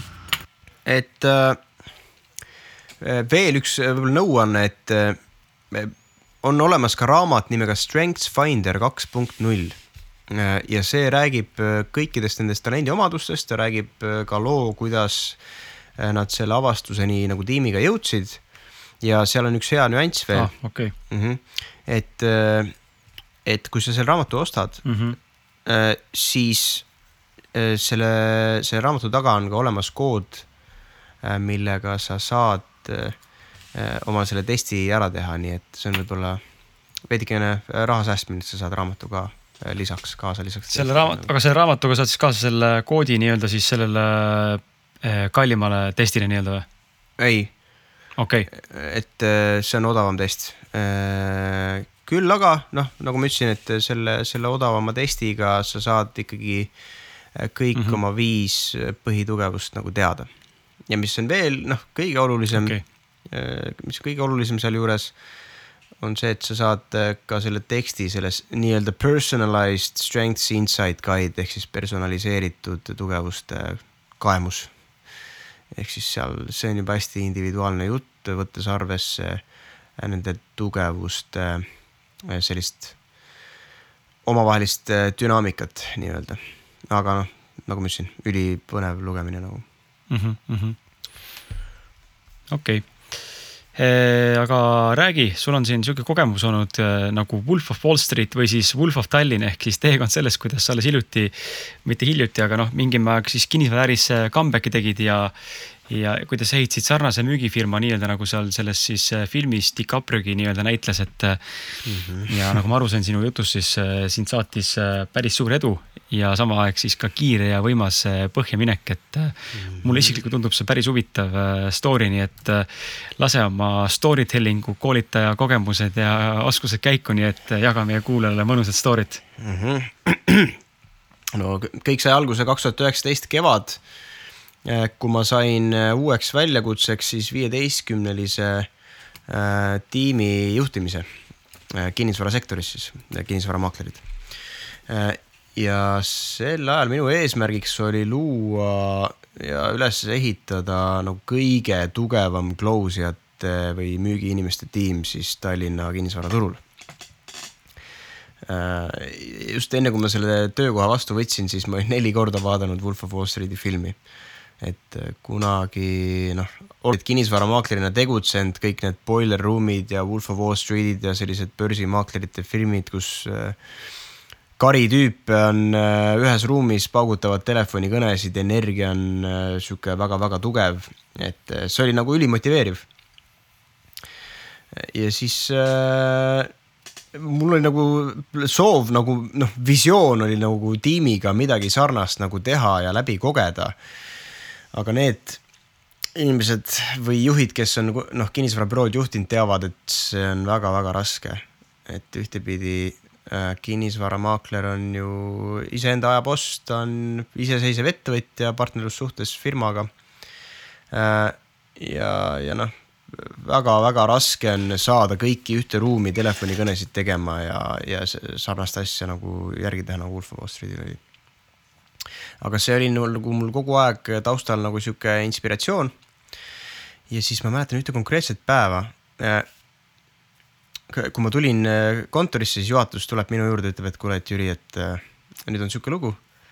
et palun tule koosolekuruumi, et me peame sinuga rääkima. siis ma mõtlesin, et okei okay., mis siis nüüd juhtus, vaata, ma olin just siis mingi kuu aega seal firmas olnud nagu mõõtnud ja vaadanud ja teinud plaane, kuidas nagu innovatsiooni läbi viia ja inimesi treenida. ja siis ma istun nendega seal koosolekuruumis. see oli Rävala puiestee kaks, äh, üliäge äh, kontor oli meil, see oli kõige viimane korrus, kõik sihuke klaasist seinad, suur terrass, äh, kolmsada kuuskümmend vaade linnale ja tornidele. siis me istume seal hommikul ja siis juhatus ütleb, et tead Jüri, et nüüd on sihuke lugu, et noh, sul on kuskil kuu aega aega et tiim käima tõmmata, sest vastasel juhul me peame uksed kinni panema, et meil on kulud on liiga suured. ja, müügikäibest piisavalt tulu peale ei tule, et ma ei tea, mida sa teed, aga sa pead midagi välja mõtlema. ja muide, meie kõige suurema käibega maakler, kes eelmine kuu tegi kõige suurem käibe, ta otsustas täna hommikul, et ta läheb meie firmast minema. ja siis ma mõtlesin täitsa perses, no ega noh, üsna, üsna keeruline olukord, kus olla. ja mul ju tegelikult noh, varasemat sellist nagu tõsisemat tiimi juhtimise kogemust nagu ei olnudki ja ma pidin nagu noh, ühesõnaga kogu vastutus äh, selle seltskonna eest ja, ja tiimi äh, säilimise eest pandi nagu minu õlule. ja ma pidin nagu välja nuppima, et davai, et kuidas me siis, kuidas me siis selle olukorra nii-öelda ära lahendame, on ju. Aga ma olin nagu varasemalt ka juba enda jaoks hakanud teadvustama, et mis mu siis nagu tugevus on või, või, või, või kuhu minna, kui ma nagu hädas olen. ja siis äh, võtsin esimeses hoos kohe ette rida mingisuguseid raamatuid. Äh, müügijuhtimise raamat, äh, Sales Management Simplified üli,, üliülihea, kõigile müügijuhtidele soovitan täiega, ülihea lugemine. kuidas just tiimi üles ehitada motiveerida ja hakkasin äh, tähelepanu pöörama nagu kolmele olulisele aspektile. esiteks siis organisatsiooni kultuur. et, et just äh, nagu, et müügikultuur. et peokultuur oli neil juba enne mind päris äh, tore, et näha oli, pidu panna nad oskasid, aga kui müügi tegemisega oli see, ei olnud nagu seda energiat, mida ma nagu näha tahtsin. Ja sihuke laserfookus eesmärkidele, tulemustele. Äh, teine aspekt oli talentide manageerimine, on ju, et sa värbad õigeid inimesi, äh, kes sobivad nagu tiimi, sobivad tiimi väärtustega. ja kolmas asi siis äh, müügiprotsess ja konkreetsed müügirelvad. Ehk siis igasugused skriptid, hääletonaalsused, tehnikad, kuidas oma meeleseisundit ülimasse enesekindlusesse nii-öelda viia ja kuskil äh, paar-kolm kuud äh, tegime tiimiga tõsist tööd ja trenni ja äh, hakkasime teenust innoveerima ja siis me hakkasime müügivõistlusi ka korraldama, niisuguseid mänge. ja, ja, ja, ja kui sellest nii-öelda Wolf of Wall Street'i kogemusest rääkida, siis äh, noh, see tõeline rock n roll sai alguse kuskil aprillikuu lõpus, kui meil oli kuu saavutaja võistluse finaalmäng. ja see oligi sihuke äh, kolmapäevane päev. Mm, äh, kell viisteist null null tulime büroosse kokku. Äh, meil olid kaks tiimi mina panin Makist, panin Rolling Stonesi peale, võtsin ruupori kätte, hakkasin täiega haipima, ütlesin, et davai, teil on nüüd täpselt nii palju aega, siin on punktitahvel, kaks tiimi, kaptenid on oma valiku teinud. ja nüüd hakkame paugutama telefonikõnesid. ja see, mis järgnes, oli lihtsalt rets. et äh, nii mulle kui juhatusele, no kõigil oli sihuke kerge pisar tuli silma, sest äh, see oli nagu see visioon, millest me olime pikka-pikka aega unistanud ja, ja lõpuks nagu see, kui sa oled seal keskel, nad paugutasid nagu neljakümne viie minutiga mingisugune kakssada telefonikõne. et äh, see oli tohutult, äh, äh, tohutult äge. ja, ja sealt edasi läks ülesmäge, et meil noored liitujad, kes tiimis olid, noh, Merlin alustas minuga samal ajal ka,, olles kahekümne kahe aastane ja varem nagu ei olnud kogemust kinnisvaraturul ta tegi ühe suvega close'is kolmkümmend üks maaklerilepingut, mis on noh, täiesti noh, fenomenaalne tulemus, sest tavamaakler close ib kuskil viis lepingut kolme kuu peale, noh umbes. selline keskmine maakler on ju, et kolmkümmend üks lepingut ja, ja teine, kes meil oli Carol, samamoodi väga tugev close ja pani ka kolmkümmend üks lepingut ühe suvega siis kolme kuuga Äh, ja nad tegid ka close imise rekordid, nii et nad helistasid läbi otse omanikult müüjaid. Äh, kõige kiirem close oli vist mingi kahe tunniga. ehk siis äh, telefonikõne, noh inimesel, kes alguses ei taha kinnisvaramaaklerist nagu mitte midagi kuulda. ja sul on kahe tunni pärast on allkiri maakleri lepingule all et ja terve suvi oli ikka väga kõva rock n roll meie jaoks, see oli väga-väga fun aeg. ja, ja jah, minu jaoks väga õpetlik kogemus ka, kuidas nagu üldse tiimi juhtida, et sealt ma sain noh, kõik see, mida ma täna tean äh, nagu meeskonna juhtimise kohta, nagu need kogemused ja õppetunnid. küll aga äh, noh, eks iga hea asi peab nagu ühel päeval lõppema, onju. Äh, samamoodi ka meie Marmeli kinnisvara põles nagu väga ereda leegiga. et seal lihtsalt, kui siin enne oli juttu, et oli väga äge rock n roll, aga asi käis nagu põhja et siis, äh, mis seal nagu juhtus, äh, kui nagu täiesti ausalt avatud kaartidega rääkida, siis äh, mingi hetk nagu nii mina kui ka mitmed teised inimesed tiimis hakkasid nagu kaotama oma usaldust ettevõtte omanike vastu. Et juba sel ajal, kui ma olin nendega liiku-, liitumas, olin ma kuulnud nagu linna pealt mingisuguseid jutte, et no, et ole ettevaatlik, et seal võib olla nagu maks, tasu maksmist ega nagu viivitamisi. Ja noh, öeldakse, et ja, et kuule, sorry, meil praegu ei ole üldse vahendeid, et, et nagu sulle tehtud töö eest ära maksta, samal ajal kui tüübid ise on, tüübid ise on nagu välismaal. Panevad pidu, elavad life'i ja, ja panevad sotsmeediasse üles pilte kihiseva šampanja ja, ja, ja sellise asjaga noh et, et ja kui, kui ma firmasse tulin, siis kevadel ma panin nagu kirjaliku eesmärgi ka, et, et meie plaan on ettevõtte müügikäivet tõsta vähemalt kaksteist protsenti kuus. Ja siis mingi teatud tase saavutada oktoobrikuuks. ja need, noh, ega ma ei olnud selles üksi, tänu tiimi ja kõigi teiste ühisele panusele Äh, sai see eesmärk äh, täidetud ka. aga seal jah, sügisel siis juhtuski see, et tuli jälle, üks päev tuleb äh, juhatus minu juurde, ütleb, et kuule Jüri, et, et tule siia koosolekusaali, et me peame sinuga nüüd natukene rääkima noh, mingitel teemadel. Istusin siis sinna maha ja siis öeldakse mulle ja, et, et kõik on väga tore, on ju, väga fun. aga meil ei ole võimalik enam äh, samadel kokkulepetel jätkata. noh, nad olid mulle juba äh, mõni kuu rahasid võlgu ja mitte mulle, äh, ka teistele firmadele mitte firmadele, teistele maakleritele. nii ka üürileandjale ja maksuametile kõige seda, et, et siis pakuti küll alguses, et davai, et tule meile nagu osanikuks, et proovime nagu niipidi, onju. aga noh, seal nagu ma ei näinud nagu seda pointi, miks ma peaksin võtma äririski äh, ja samal ajal äh, jagama osalust nagu nendega, kui nad ise oma tegevusega liiga palju siia sisse nagu ei panusta.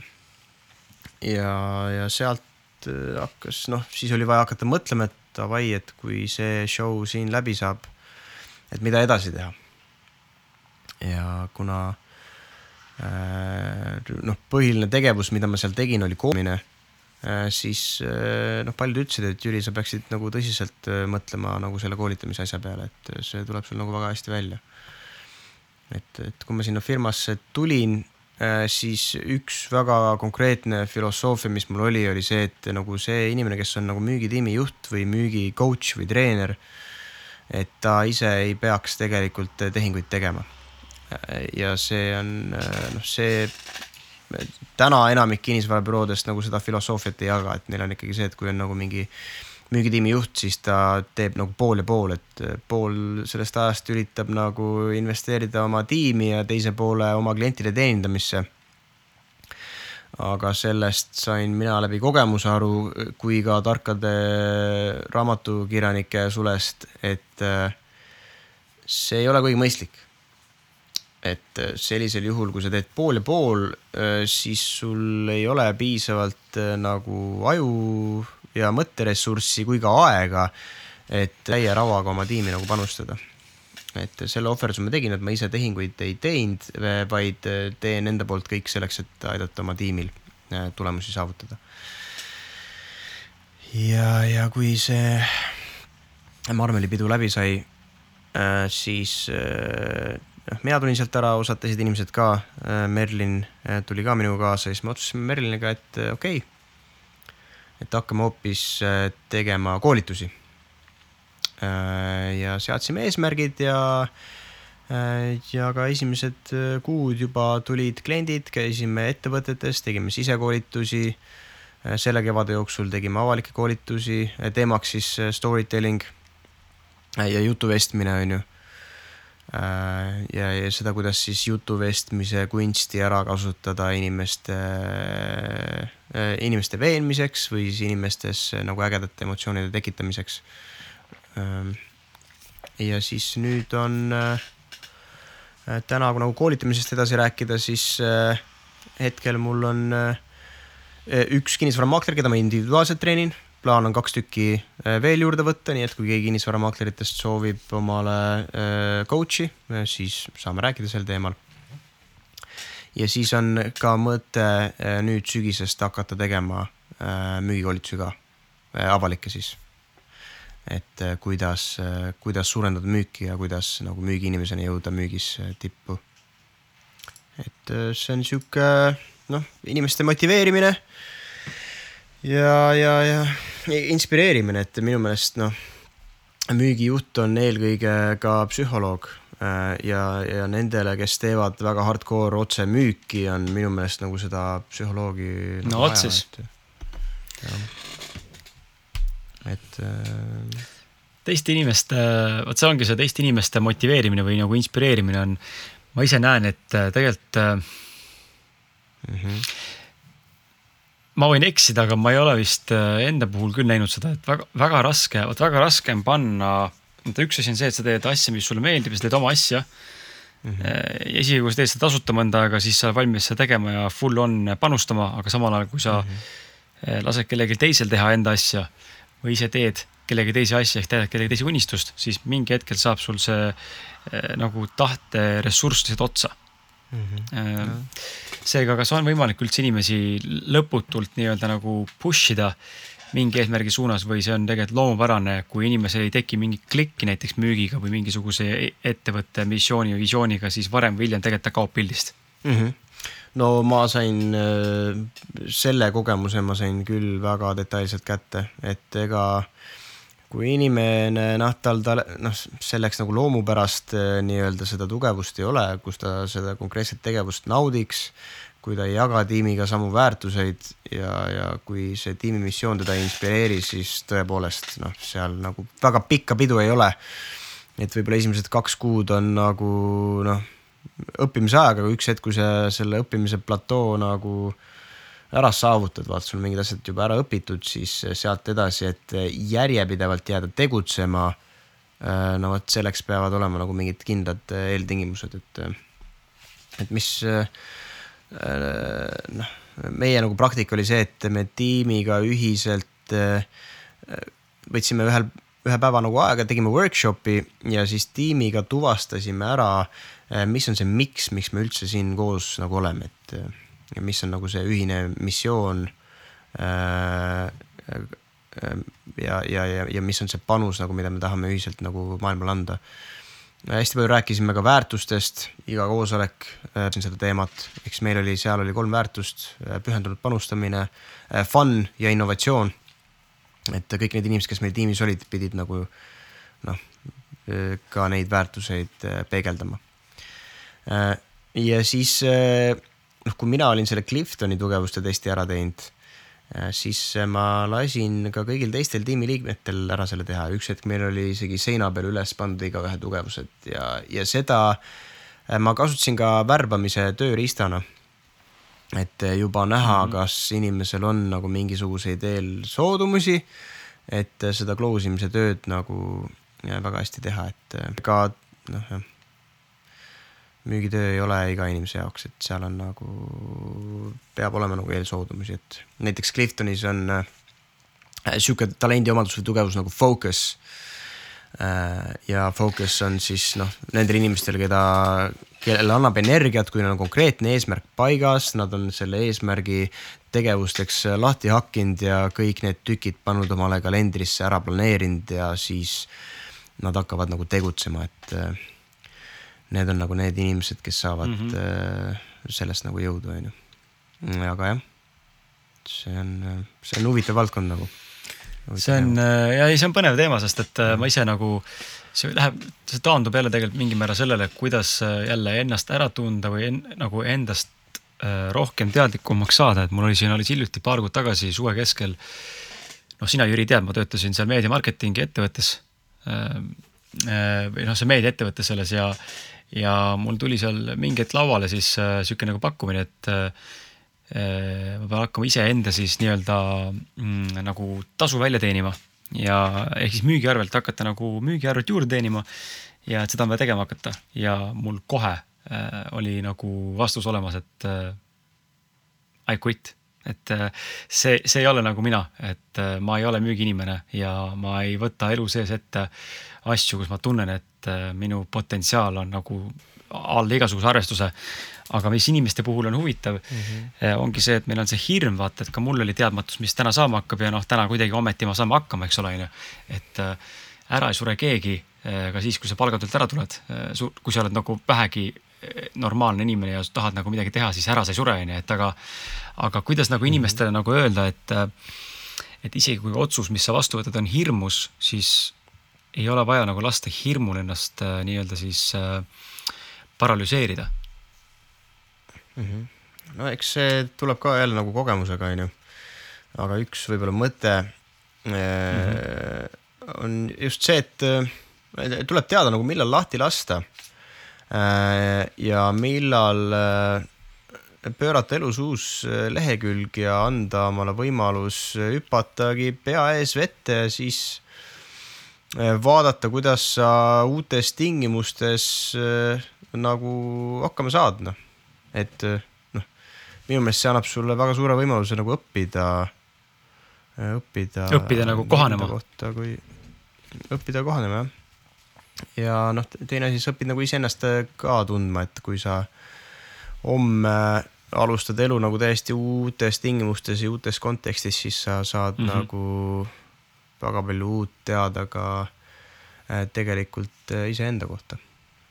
et see on nagu üks sihuke lähenemissuund võib-olla. siis äh, teine nagu sihuke paradoksaalne mõte, mida väga paljud nagu siuksed vanakooli raamatud ja success coach'id nagu kogu aeg ütlevad, et äh, ära anna alla, onju. aga see on nagu see, et mõnikord sa sometimes you need to know when to quit, noh, kui nagu sa näed, et sa ikka oled liiga kaua aega vastu tuult äh, purjetanud ja no ei lähe mitte kuidagi paremaks ja sa ei naudi seda ka ja sellel nagu asjal ei ole perspektiivi. ta ei loo väärtust sinu jaoks ja teiste jaoks, siis on äh, noh, igati aeg, et liikuda edasi. ja nagu me ka enne rääkisime, siis äh, julgustaks tõesti usaldama rohkem oma sisetunnet ja usalda usaldama rohkem äh, nagu märke, mida su alateadvus sulle näidata tahab. et äh, nagu siin enne ka juttu oli, et äh, isegi kui sa eksid, siis sa saad sellest olulise õppetunni, mille su alateadvus salvestab ära. ja tulevikus sa võtad kõiki neid õppetunde arvesse, kui sa mingisuguseid otsuseid nagu teed, on ju. aga noh, kui sa oma intuitsiooni usaldad, siis sa saad nagu parema ikkagi kontakti selle intuitsiooniga, sa õpid nagu tegema lõppkokkuvõttes paremaid otsuseid, et mm. -hmm. eks minu meelest noh, ongi rahulolu ja vitaalsus ja eluenergia, elurõõm ja, ja hea tervis on nagu eh, see, mille poole lõppkokkuvõttes eh, tasub nagu püüelda. vähemalt see on minu arvamus nagu. Ehm, lähme siit kohe edasi selle selle psühhedeelikumide juurde, et äh, räägi siis enda kogemust, et sa kirjelduse järgi siis oled äh, psühhedeelikumide praktiseerija, et võib-olla see on, võib-olla see on liialdus, aga, aga et äh, kus selline, et kus selline valik ja, ja kuidas elu sind selleni viis, et, äh, et miks? no eks, miks ta viis, noh miks inimene hakkab mm -hmm. avastama igasuguseid uusi asju? ma arvan, et minu jaoks põhidriver oli ikkagi uudishimu. uudishimu saada teada, et mis siis juhtub, on ju. ja kui rääkida psühhedeelikumidest kui spirituaalsetest töövahenditest Äh, siis minu silmis on nagu kolme kategooriasse kuuluvat äh, psühhedeelikumi, et üks on, ühed on siis nii-öelda seenelised või trühvlid, on ju. teine on LSD äh, ja kolmas on siis ayahuasca jook, on ju. et kõigi kolmega mul kogemusi on, ma kindlasti ei ütleks, et ma nagu olen psühhedeelikumide igapäevane praktiseerija.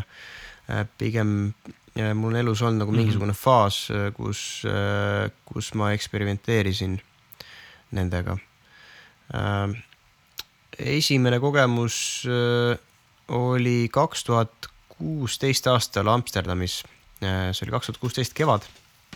Amsterdamis toimus kuningapäev. sel ajal, kui ma linnas olin ja siis noh, eks paljud teavad, Amsterdamis on nagu need coffee shop'id on ju, kus sa võid minna osta omale Äh, kanepi joindi ja seda seal suitsetada. Äh, aga Amsterdamis on ka smart shop'id. ja smart shop'id on siis sellised poed, kus sa astud sisse, seal on sul äh, menüüd ja lettidel on väljas sellised väiksed karbikesed, kus on siis sees sellised maagilised mm -hmm. trühvlid mis ta hinnaklass võis olla mingisugune kümme euri karp äkki või, selle eest saad kümme grammi trühvleid. ja, ja see sort oli vist Mexicana Äh, mida mina esimest korda proovisin. meil oli äh, tolleaegse elukaaslasega oli äh, renditud üks Airbnb korter seal Amsterdami kesklinnas. ja siis me võtsime õhtu vabaks ja, ja siis kumbki sõi oma esimese poole sisse, et meil just see müüja oli öelnud, et noh, et kui sa esimest korda nagu proovid, et ära kohe hullu panema hakka, et, et võta, võta kõigepealt pool ja siis vaata, kuidas ja kui tundub, et on okei okay,, et hand'id ära, siis, siis ülejäänud pool sisse. Ja nii me siis sõime selle esimese poole sisse. Noh, ta ongi kuskil pool tundi, tund aega, siis sa hakkad nagu tundma, kuidas su taju hakkab muutuma. Äh, ruumitaju muutub, kuidagi atmosfäär ümberringi muutub müstiliseks. võid kogeda ka eufooriat, kindlasti nagu naerutuju tuleb üks mu tuttav äh, kunagine kolleeg ütles ka, et kui ta Amsterdamis äh, seda trühvlit sõi, siis ta kõndis tänavaringis, nägi ühte lambiposti ja siis ta lihtsalt tükk aega vaatas seda lambiposti lihtsalt naeris südamest. Siukseid efekte võib olla. Äh, aga mis on nagu märkimisväärne, on see, et kuskil viie kuni kuue tunni möödudes jõuad sa sellisesse valgustumise faasi mm. -hmm ja, ja see on selline faas, kus sul justkui enam ei ole elu kohta mitte ühtegi küsimust. et, et sa saad kõik vastused kätte iseenda seest. Et see on tõesti nagu väga huvitav kogemus, et tegelikult kõik vastused on sügaval meie sees olemas, me lihtsalt peame õppima, eh, kuidas nende vastustega nagu kontakti saada, on ju äh, ja, ja, ja sellel nii-öelda ärkamise valgustuse faasis sa saad siis nagu tugevama ühenduse iseenda sisemise minaga, oma intuitsiooniga, oma alateadvusega.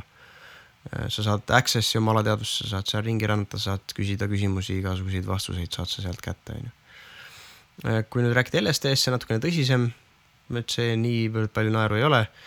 ja siis on ayahuasca on ju, mis on siis noh, kõige sügavam töövahend üldse, et et selleks on kohe spetsiaalsed tseremooniad, mida tulevad šamaanid nagu läbi viima, et äh, miks inimene peaks neid proovima, noh, see on nagu see, kui sa elus jõuad üks hetk äh, sellesse etappi mm, -hmm, kus mm -hmm. noh, raske on edasi minna, onju.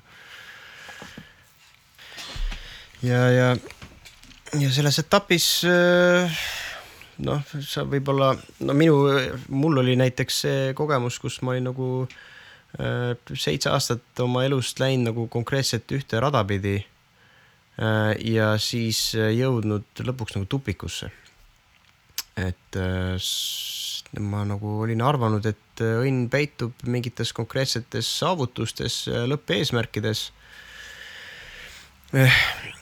mõnda aega see nagu motiveeris, kui üks hetk, kui ma olin nagu oma mm -hmm. eesmärgid või unistused äh, saavutanud, äh, siis ma sain aru, et äh, rahulolu ei saabunudki, et ma olen hoopis palju vihasem ja palju rohkem stressis inimene siis ma läksin täiesti lühisesse omadega. ja, ja psühhedeelikumid oli jah, ka üks valdkond, mis aitas mul nagu saada sügavamalt iseendast aru, mida ma siis tegelikult tahan. ja siis on noh, kindlasti Vipassana meditatsioon mis on minu arvates nagu veel mm, -hmm. veel nagu tugevam vahend, on ju. Äh, ja, ja noh, ega taimed ei ole kõikidele inimestele, on ju, et seda pead et, ise tunnetama, noh. on muid viise, noh.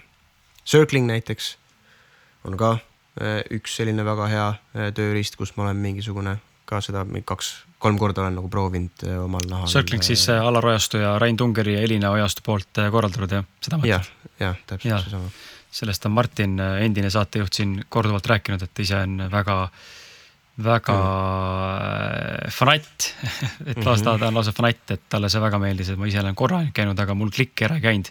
aga ma näen seda, ma näen nagu selle asja nagu potentsiaali ja võlu ja eks mm -hmm. igalühel ongi, ongi nagu omad, omad kogemused või omad nagu Eh, nii-öelda praktika, mis nad tahavad nagu läbida ja et, et nagu kommuuni kokkutoomisel ta on väga-väga hea äh, tööriist. ma isegi mingi hetk mõtlesin, et oi kurat, kas peaks Marmelis hakkama ka circling tegema, vaata. et äh, omavahelist nagu kokkukuuluvust ja usaldust nagu luua ja kuidagi paremaks teha. aga noh, sel hetkel mm -hmm. kuidagi ei, ei võtnud nagu seda ette. küll aga noh, kui ma käisin seal no Alar oli mulle seda reklaaminud, ütles, et oi, et ma olen käinud ka igal pool aiahuaskades ja vipassanates ja igal pool, aga vot see circling on nüüd see asi onju. siis ma ütlesin, et davai, et, et mind kindlasti huvitab igasugused spirituaalsed protsessid ja lähme nagu kogeme ära, et kas see siis ongi nagu kõige sügavam töövahend. Äh, mida ma seal enda osast nagu aru sain, on see, et ta on väga-väga hea vahend, et äh, tuvastada iseenda maske ja saada teistelt vahetult tagasisidet, et kes see, kes sinus räägib ja, ja näha ja õppida ka ennast nagu kõrvalt vaatlema oma mõtteid ja tundeid, on ju. Äh, küll aga tal üks väike verstapost puudu, mis äh, jääb ka puudu psühhedeelikumidel, mis ei jäänud puudu Vipassana meditatsioonikursusel, et, et kõikidest noh, puhas minu enda kogemus on ju, igaüks peab ise otsuse tegema enda kogemuse pealt, aga minu kogemuse äh, peal äh, kõige tugevam ja äh, pikaajaliselt elu muutvam protsess on olnud Vipassana meditatsioon. ja mis see verstapost on, millest ma räägin, on see, et kui sa seal circling'u ringis oled, on ju siis inimesed kõik seal noh, avavad, on ju, räägivad sellest, mis, mida nad praeguses momendis kogevad nii füüsilisel sensatsiooni pinnal kui mis tunded esile tekivad ja mõtted. küll aga noh, isegi kui sa seal väga pikalt käid, ta ei õp-, ma ei, ma ei oska seda öelda, ma ei ole muidugi pikalt käinud, on ju, siin peaks võib-olla Alar Ojastu ka mingi kommentaari andma, aga ta ei programmeeri sind ümber selles suhtes, kuidas sa reageerid. reageerid ikkagi lihtsalt sa reageerid kõigile sealsamas näkku, vaata mm. -hmm et, et selleks, et iseenda alateadlikku reaktsioonimustrit muuta, tuleb, tuleb natuke teistsugust tööd teha, noh. ütlen, et noh, vähemalt see on, see, see oli arusaam, kui ma seal nagu paar korda käinud olen, võimalik, et, võimalik, et ka circling us, kui sa pikalt käid, et sa E, et sa hakkad oma keha ja sensatsioone nii hästi tunnetama, et seal käib see klikk ära, aga mis Vipassana sinuga teeb? see kümme päeva, no see on ka ikka päris rets kogemus, noh. see on, ühtepidi võib öelda, et see on nagu põhiline protsess, kus sa teed oma aju lahti ja siis sa iseenda peal teed selle operatsiooni ära. Ja pärast seda, kui sa sealt tagasi tuled, siis ei reageeri enam äh, ei füüsilisele valule kui igasugusele sitale, mis su elus juhtub eh, sellisel viisil, nagu sa enne tegid. ta, ta nagu, vot reageerimine on see teema nagu, see, kuidas me reageerime, sest minu meelest kannatusi elus põhjustab eelkõige reageerimine, mitte see sitt, mis juhtub, igast sitta võib juhtuda. see, kuidas sa reageerid, see on see, mis lõpuks defineerib su elukogemuse. kui sa harjutad ennast reageerima teistmoodi, siis su elukogemus läheb ka nii-öelda paremaks, on ju aga seda seda noh, seda kõike nagu mingi loogilise mõistuse ja mõtlemise ja raamatutest lugemisega ei ole teha mm. -hmm. sa pead minema sinna koha peale selle protsessi omal nahal nagu läbi kogema noh. Et see Vipassana ise on äh, meditatsioonitehnik. Vipassana sõna tõlkes tähendab kaemust või siis näha asju sellisena, nagu nad on. ja selle tehnika jooksul või, või selle abil sa siis eh, jah, tõesti treenid oma alateadvuse reaktsioonimustrid ümber. kas, äh, kas need vaimsed praktikad on kuidagi olnud seotud sellega, et sa oled hakanud ennast nimetama rahatuks hipiks ja, ja mis see üldse nagu või kust see termin üldse pärineb? aa, okei okay, jah. Eh, see rahatu hipi eh, tuli, see nagu mõte tuli kuskil nagu vihahoos siis, kui ma kahe tuhande kuueteistkümnendal aastal tulin, no kinnisvarast tulin päevapealt ära, seal samamoodi omanikega, ma ei tea, mis kuradi needus see mul on olnud või noh, ma ei tahaks öelda, et see on needus, aga juhtus ka niimoodi, et nad mingi ma ei tea, jäid mulle rahasid võlgu, ma pidin neid kohtus hagema, et oma töötasu kätte saada. lõpuks sain ka aga suhted läksid pekki ja siis ma pettusin üldse ärimaailmas ja kõikides äriinimestes ja mõtlesin, et kurat, et kui ma siit edasi lähen sama teed, et hakkan nagu kinnisvarasse investeerima kinnisvaraarendajaks, et kas ma nüüd tahan olla samasugune vend nagu äh, need bossid seal, et kuradi, kui ma iga päev vaatan, kuidas nad inimestega käituvad, siis see ei ole õnneliku inimese käitumine noh. Sa pead olema, su sees peab olema ikka kuradi stress ja ma ei tea, mis äng, et sa nagu noh, sellisel viisil inimestega käitud, vaata. see oli, no ja siis ma mõtlesin, et persse pigem kuradi, ma olen siin hunnikutes raha teeninud küll, aga kas ma olen nüüd selle võrra õnnelikum veel? no ei ole, ma olen veel rohkem stressis ja viha, nagu ma olin enne. ja nüüd on noh, kui sul on palju raha, siis sul on kaotada, on ju. siis mõtlesin, et eh, persse kõik, et pigem hakkan kuradi rahatuks hipiks ja proovin hoopis teistsugust elu noh. Ja siis ma hakkasin. ja seda rahatu, seda elu siis elad täna või? Eh, no see oli faas eh, siis, kui ma olin DJ produtsent ja noh tol hetkel ma elasin reservides, sest ega see kogu see teekond mm, suurt mingit sissetulekut küll ei toonud. teatud keikadest maksti küll, aga noh, see oli ikkagi rahaline kulu, vaata.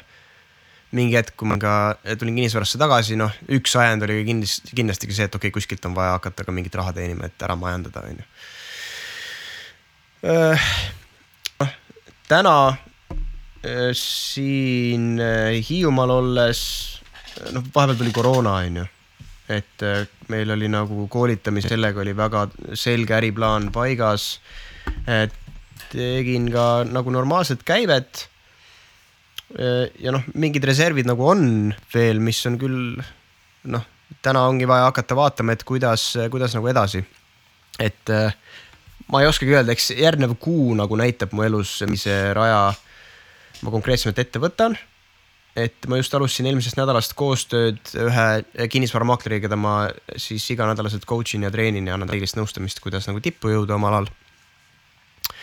Äh, et mul on nagu mõte mingi kaks-kolm kinnisvaramaaklerit nagu võtta, kes soovivad minu coach imist ja ma õpetan neile kõike seda, mida ma Marmelis õpetasin inimestele ja rohkemgi veel. Äh, ja siis mm -hmm. müügikoolitusi tahaks organiseerida Tallinnas et siin neid story telling ut olen teinud.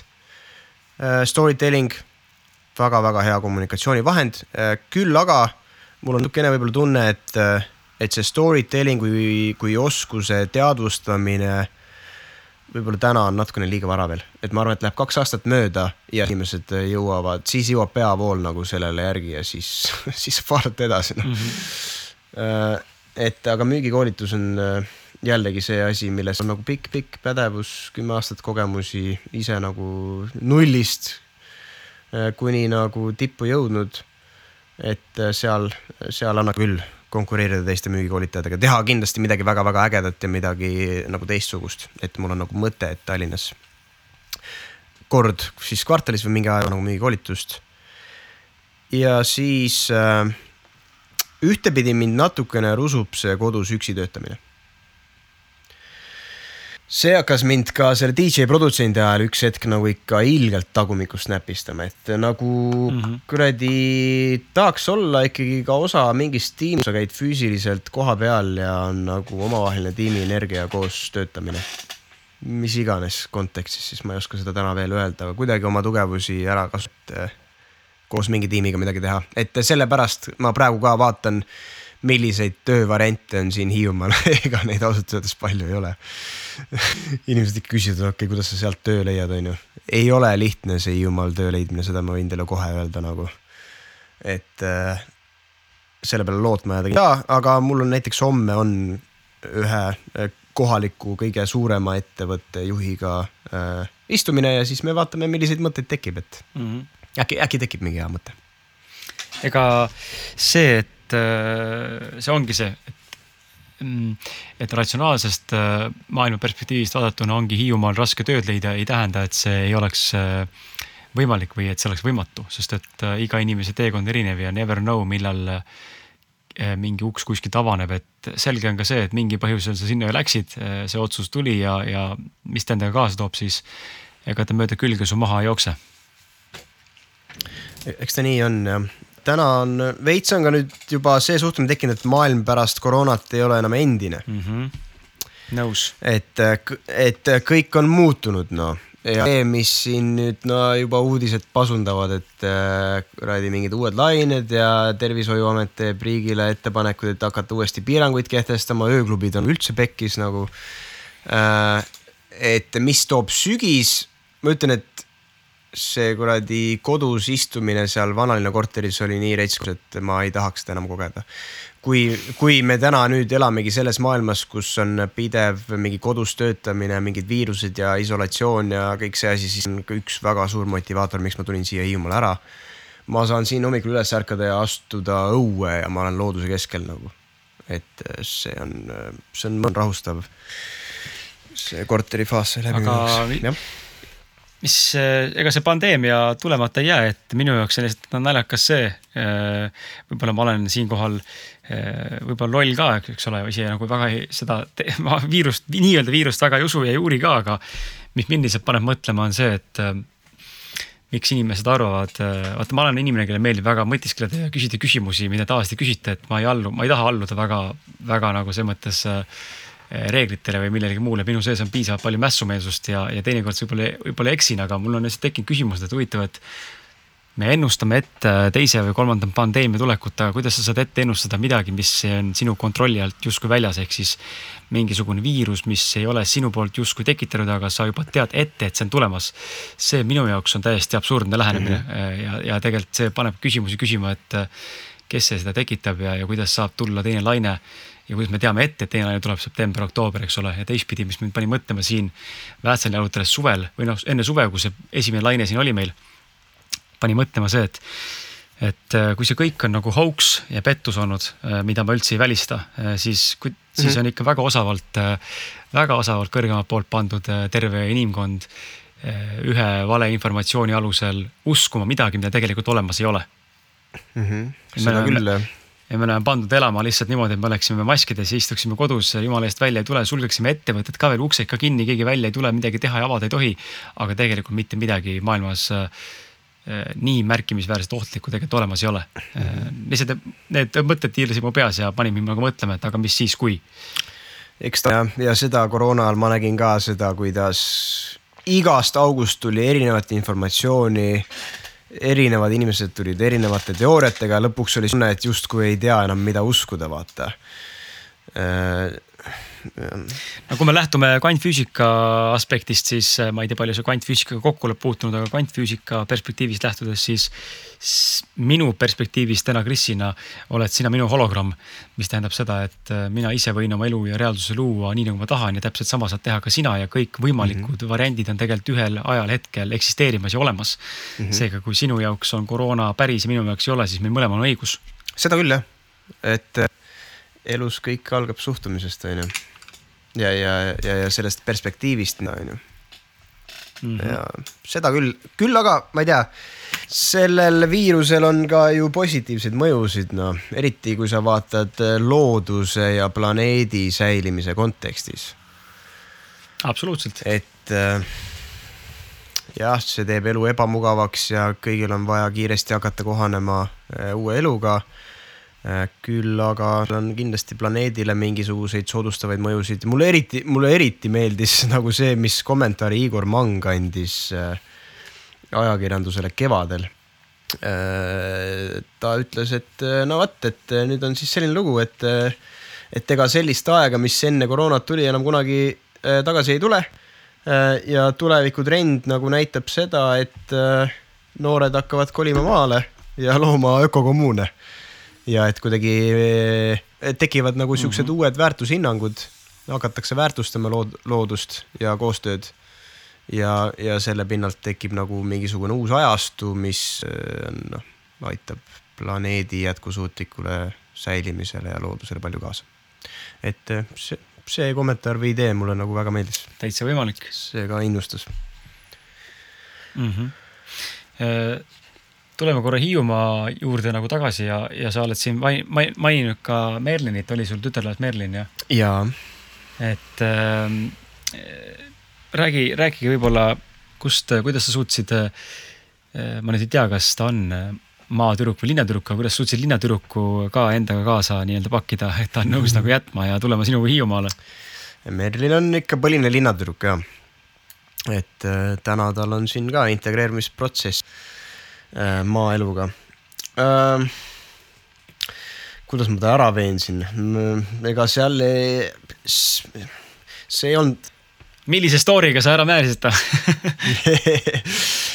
me, see noh, vaata, kui kui oli koroona on ju ja me istusime mõlemad kahekesti seal äh, korteris äh, siis oli ju aega väga palju mõtiskleda ja ma arvan, et väga paljud meist, ma arvan, et ka sina, kuulaja, kindlasti tegid oma mõttes nagu plaane, et ossa kurat, kuidas eluga nüüd edasi, maailm muutub, on ju, või mida teha tööalaselt või mida teha eluga.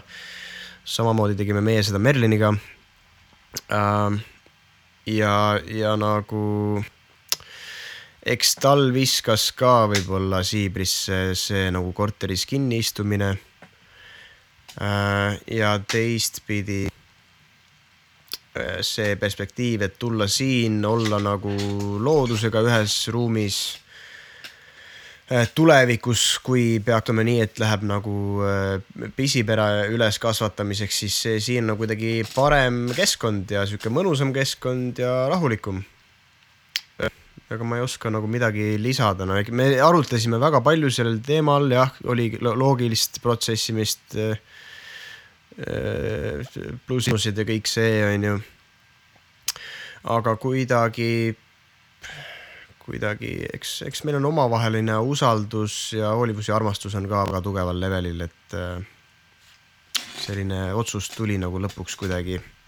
Nagu ma ei mäletagi sellist kohta, kus ma oleks pidanud teda väga hullult veenma, see kuidagi kõik jõudsime väga orgaaniliselt ühele lehele selles osas. küsimus oli ainult selles, et kas me peaks nüüd suvel ära kolima või lükkama seda edasi ja kuna see oli nii raske küsimus meile, siis ma võtsin kätte ja panin tarokaarte ausalt ka ja siis äh, sealt ma lihtsalt lugesin läbi, mis minu alateadlik reaktsioon nendele kaartidele oli ja ma sain aru, et okei okay,, tegelikult ma võiks kuradi minema saada sealt linnast.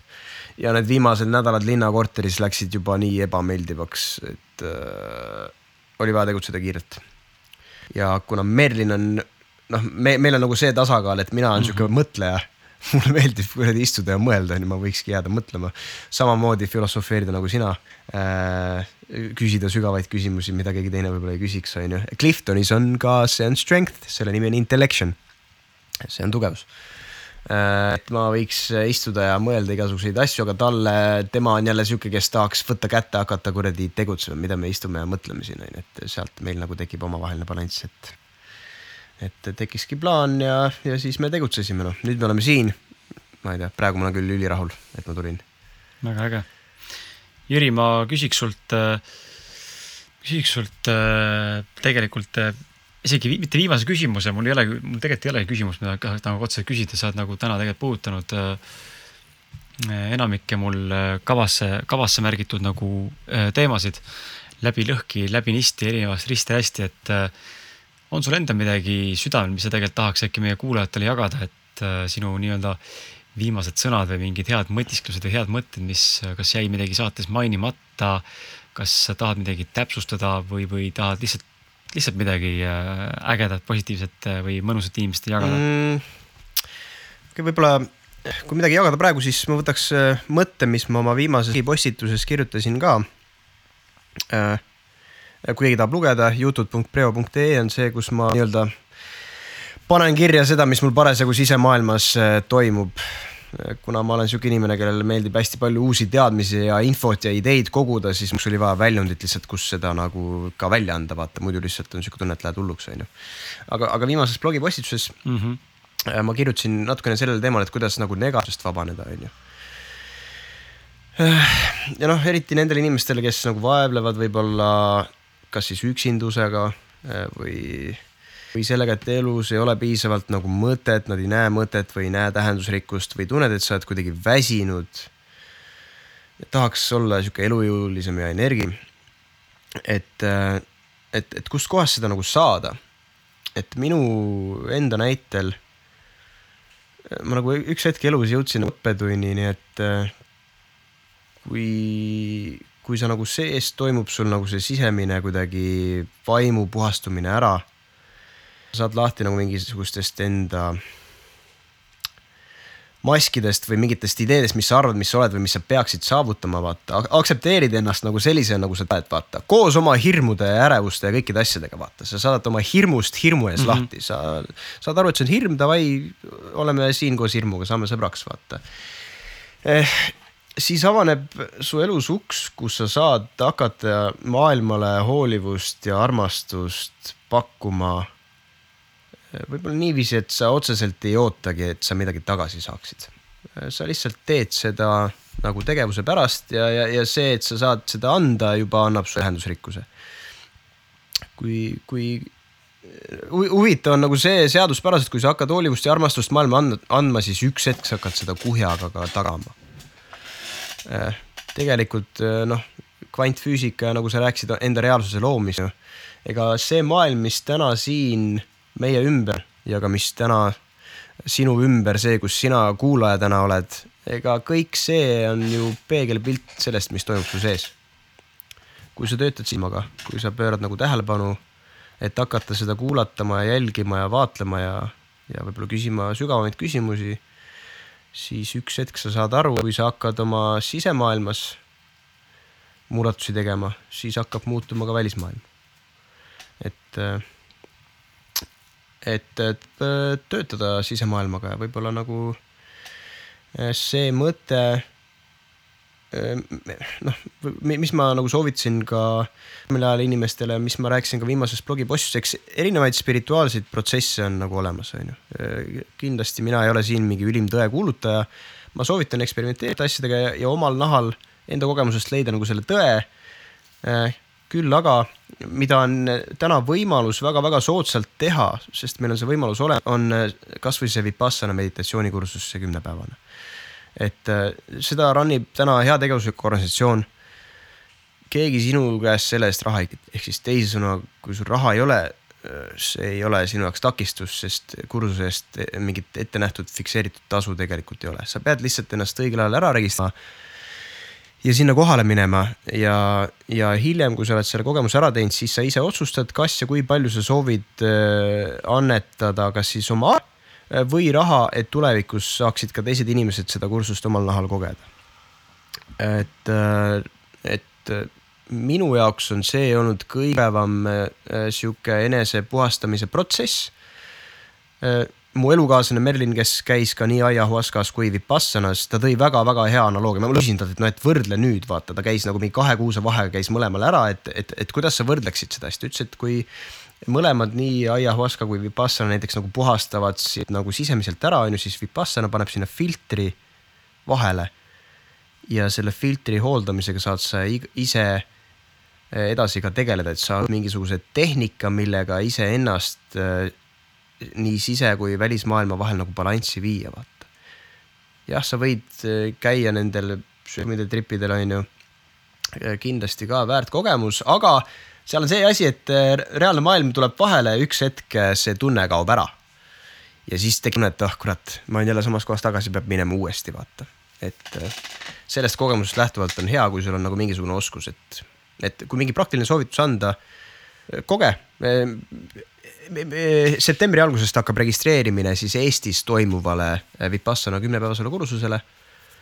mina plaanin sinna minna vabakuna tööle ka. ilmselt köögitoimkonda, seal on neil kõige rohkem abi vaja Äh, ja see toimub siis äh, novembrikuus, et seal on vaja mingi üksteist, kaksteist päeva oma elust võtta aega maha ja lülitada ennast tsivilisatsioonist välja ja minna. et see on üks praktiline soovitus. teine praktiline soovitus, kellel tekkis huvi enda tugevate külgede tundmise vastu, siis jällegi äh, tugevuste test, mis on Gallupi lehel olemas, see on ka see, kurat, ma võiks täna küll hakata Gallupi käest juba raha nõudma, sest ma, me oleme nii paljudele inimestele seda soovitanud, ma ei tea, see on juba viiskümmend inimest on vist minu ja Merilini soovitusel neid teste nagu omal teinud. Aga sealt noh, kui sa oled selline inimene, et sa tahad nagu iseenda kohta rohkem teada, sa tahad tegeleda enesearenguga, sa tahad tõelist potentsiaali realiseerida, eh, siis eh, see on jällegi üks hea tööriist, mis annab sulle mingisugused teeviidad eh, elus, mida saad nagu kasutada. ja sealt sa, siis sa juba sealt edasi saad teada, mida sa peaksid tegema. et ma võiks ka mingisuguseid raamatusoovitusi anda, aga noh, kõik inimesed ei ole raamatulugejad et mina näiteks olen, ma kujutan ette, et sina oled ka, on ju aga noh, osad inimesed on sellised, nad kuidagi no ei suuda, ei suuda sellega tegeleda, see on täiesti, see on täiesti normaalne, noh, nendel inimestel lihtsalt mingid teistsugused talendid, millel on samamoodi äh, rakenduskoht olemas. ja üks võib, võib-olla lõpumõttetera, mis mulle ühest viimati loetud kirjandusest mõttesse jäi, on see, et, et mm -hmm. mis iganes teekonnal sa täna oled lugeja äh,. igal teekonnal on sinu jaoks mingisugune king. igal teekonnal, vahet ei ole, kui raske see sinu jaoks on vahet ei ole, kuidas see lõpuks lõpeb, igal teekonnal on sinu jaoks kingitus olemas. Need on, need on head mõtted, alati, alati see, see lootus meie sees on see, mis püsib ja, ja mille poole me tegelikult mingil määral pürgime ka. Jüri äh,, aitäh sulle suur aitäh, et sa mind äh, siia vestlema niimoodi kutsusid, et see aeg lennates, et väga-väga äh, mõnus. ja ma tunnen, et sa oled ja selline inimene, kellega ma võiks lihtsalt tunde ja tunde lobiseda, et, et meil mõlemal on see omadus, meeldib sügavatel teemadel rääkida ja see on, ma räägin, tugevus. ja siis siis, äh, siis ma saan siin reklaamida midagi, mida pole varem avalikult reklaaminud, sest et see ei ole ka avalik asi, aga just see on siis sulle suunitletud, Jüri. Äh, et sa meeles peaksid, järgmine kord ma tulen sinu juurde tagasi ja kuulajale tekitada huvi, et äh, nagu paljud teie seast teavad, siis meie ausad mehed podcast on tegelikult tasuline ja selleks, et tasuline podcast oleks nii-öelda, mm, tähendab, sõnastan ümber. ma mingi hetk koos siis saates käinud enda mentoriga otsustasime, et äh, me soovime inimestele pakkuda äh, lisaväärtust selle eest, et nad meid kuulavad ja meiega olemas on, on olnud kaks pool aastat. siis meil toimuvad ausad meeste tasuliste podcast'i kuulajatele sellised jutuajamis, vestlusõhtud, filosofeerimisõhtud äh, sellesama mentoriga, kus on sihuke kümme, kaksteist inimest maksimaalselt koos sauna, söögi ja ja muude asjadega Nõmm, mitte Nõmmel, vaid Neeme metsades, kus mentor elab ja üks esimene üritus juba toimus meil siin paar nädalat tagasi. ja, ja see on tasuta kõigile, kes on meie kuulajad, juhul kui sa oled tasuline kuulaja nii et see info igal juhul üritusena, kui uus tuleb, ei jõua ausad mehed Facebooki. küll aga jõuab sinna ausad vestlused äh, privaatsesse gruppi, kus on siis mõeldud inimestele, kes on meie tasulised kuulajad, nii et äh, Jüri siitpoolt sulle siis Üli, äh, tean, et kuna sa tahad väga filosofeerivalt vestelda ja vestelda pikalt ja põhjalikult ja arutada üle elu üle, siis ma tean, et ma saan sulle seda järgmisel korral pakkuda. ja, ja kurat, sound mulle meeldib ka noh, aitäh sulle. väga hea nii et äh, ma tänan sind, Jüri, ma tõmban siit otsalt poolt äh, kokku, ütlen sulle ka aitäh, kuulaja, et äh, nii nagu ikka, kui sulle see saade meeldis ja, ja Jüri mõtted sulle pakkusid mingit väärtust ja huvitavaid ideid, siis ole hea, tee mulle ja Jürile teene. jaga palun seda saadet ühe inimesega ja, ja too see üks uus kuulaja, kes ei ole varem meie podcast'is kuulnud või kes pole varem kuulnud minust või Jürist. sellepärast, et läbi sinu jagamise teo on võimalus nii ausad meeste podcast'il ja samuti ka saatekülalistel jõuda siis eh, suuremate publikuteni, nii et eh, tee see teine, rohkem asub midagi palu. ja sinuga kohtume juba järgmisel reedel, kui mitte varem, tšau. tšau, tšau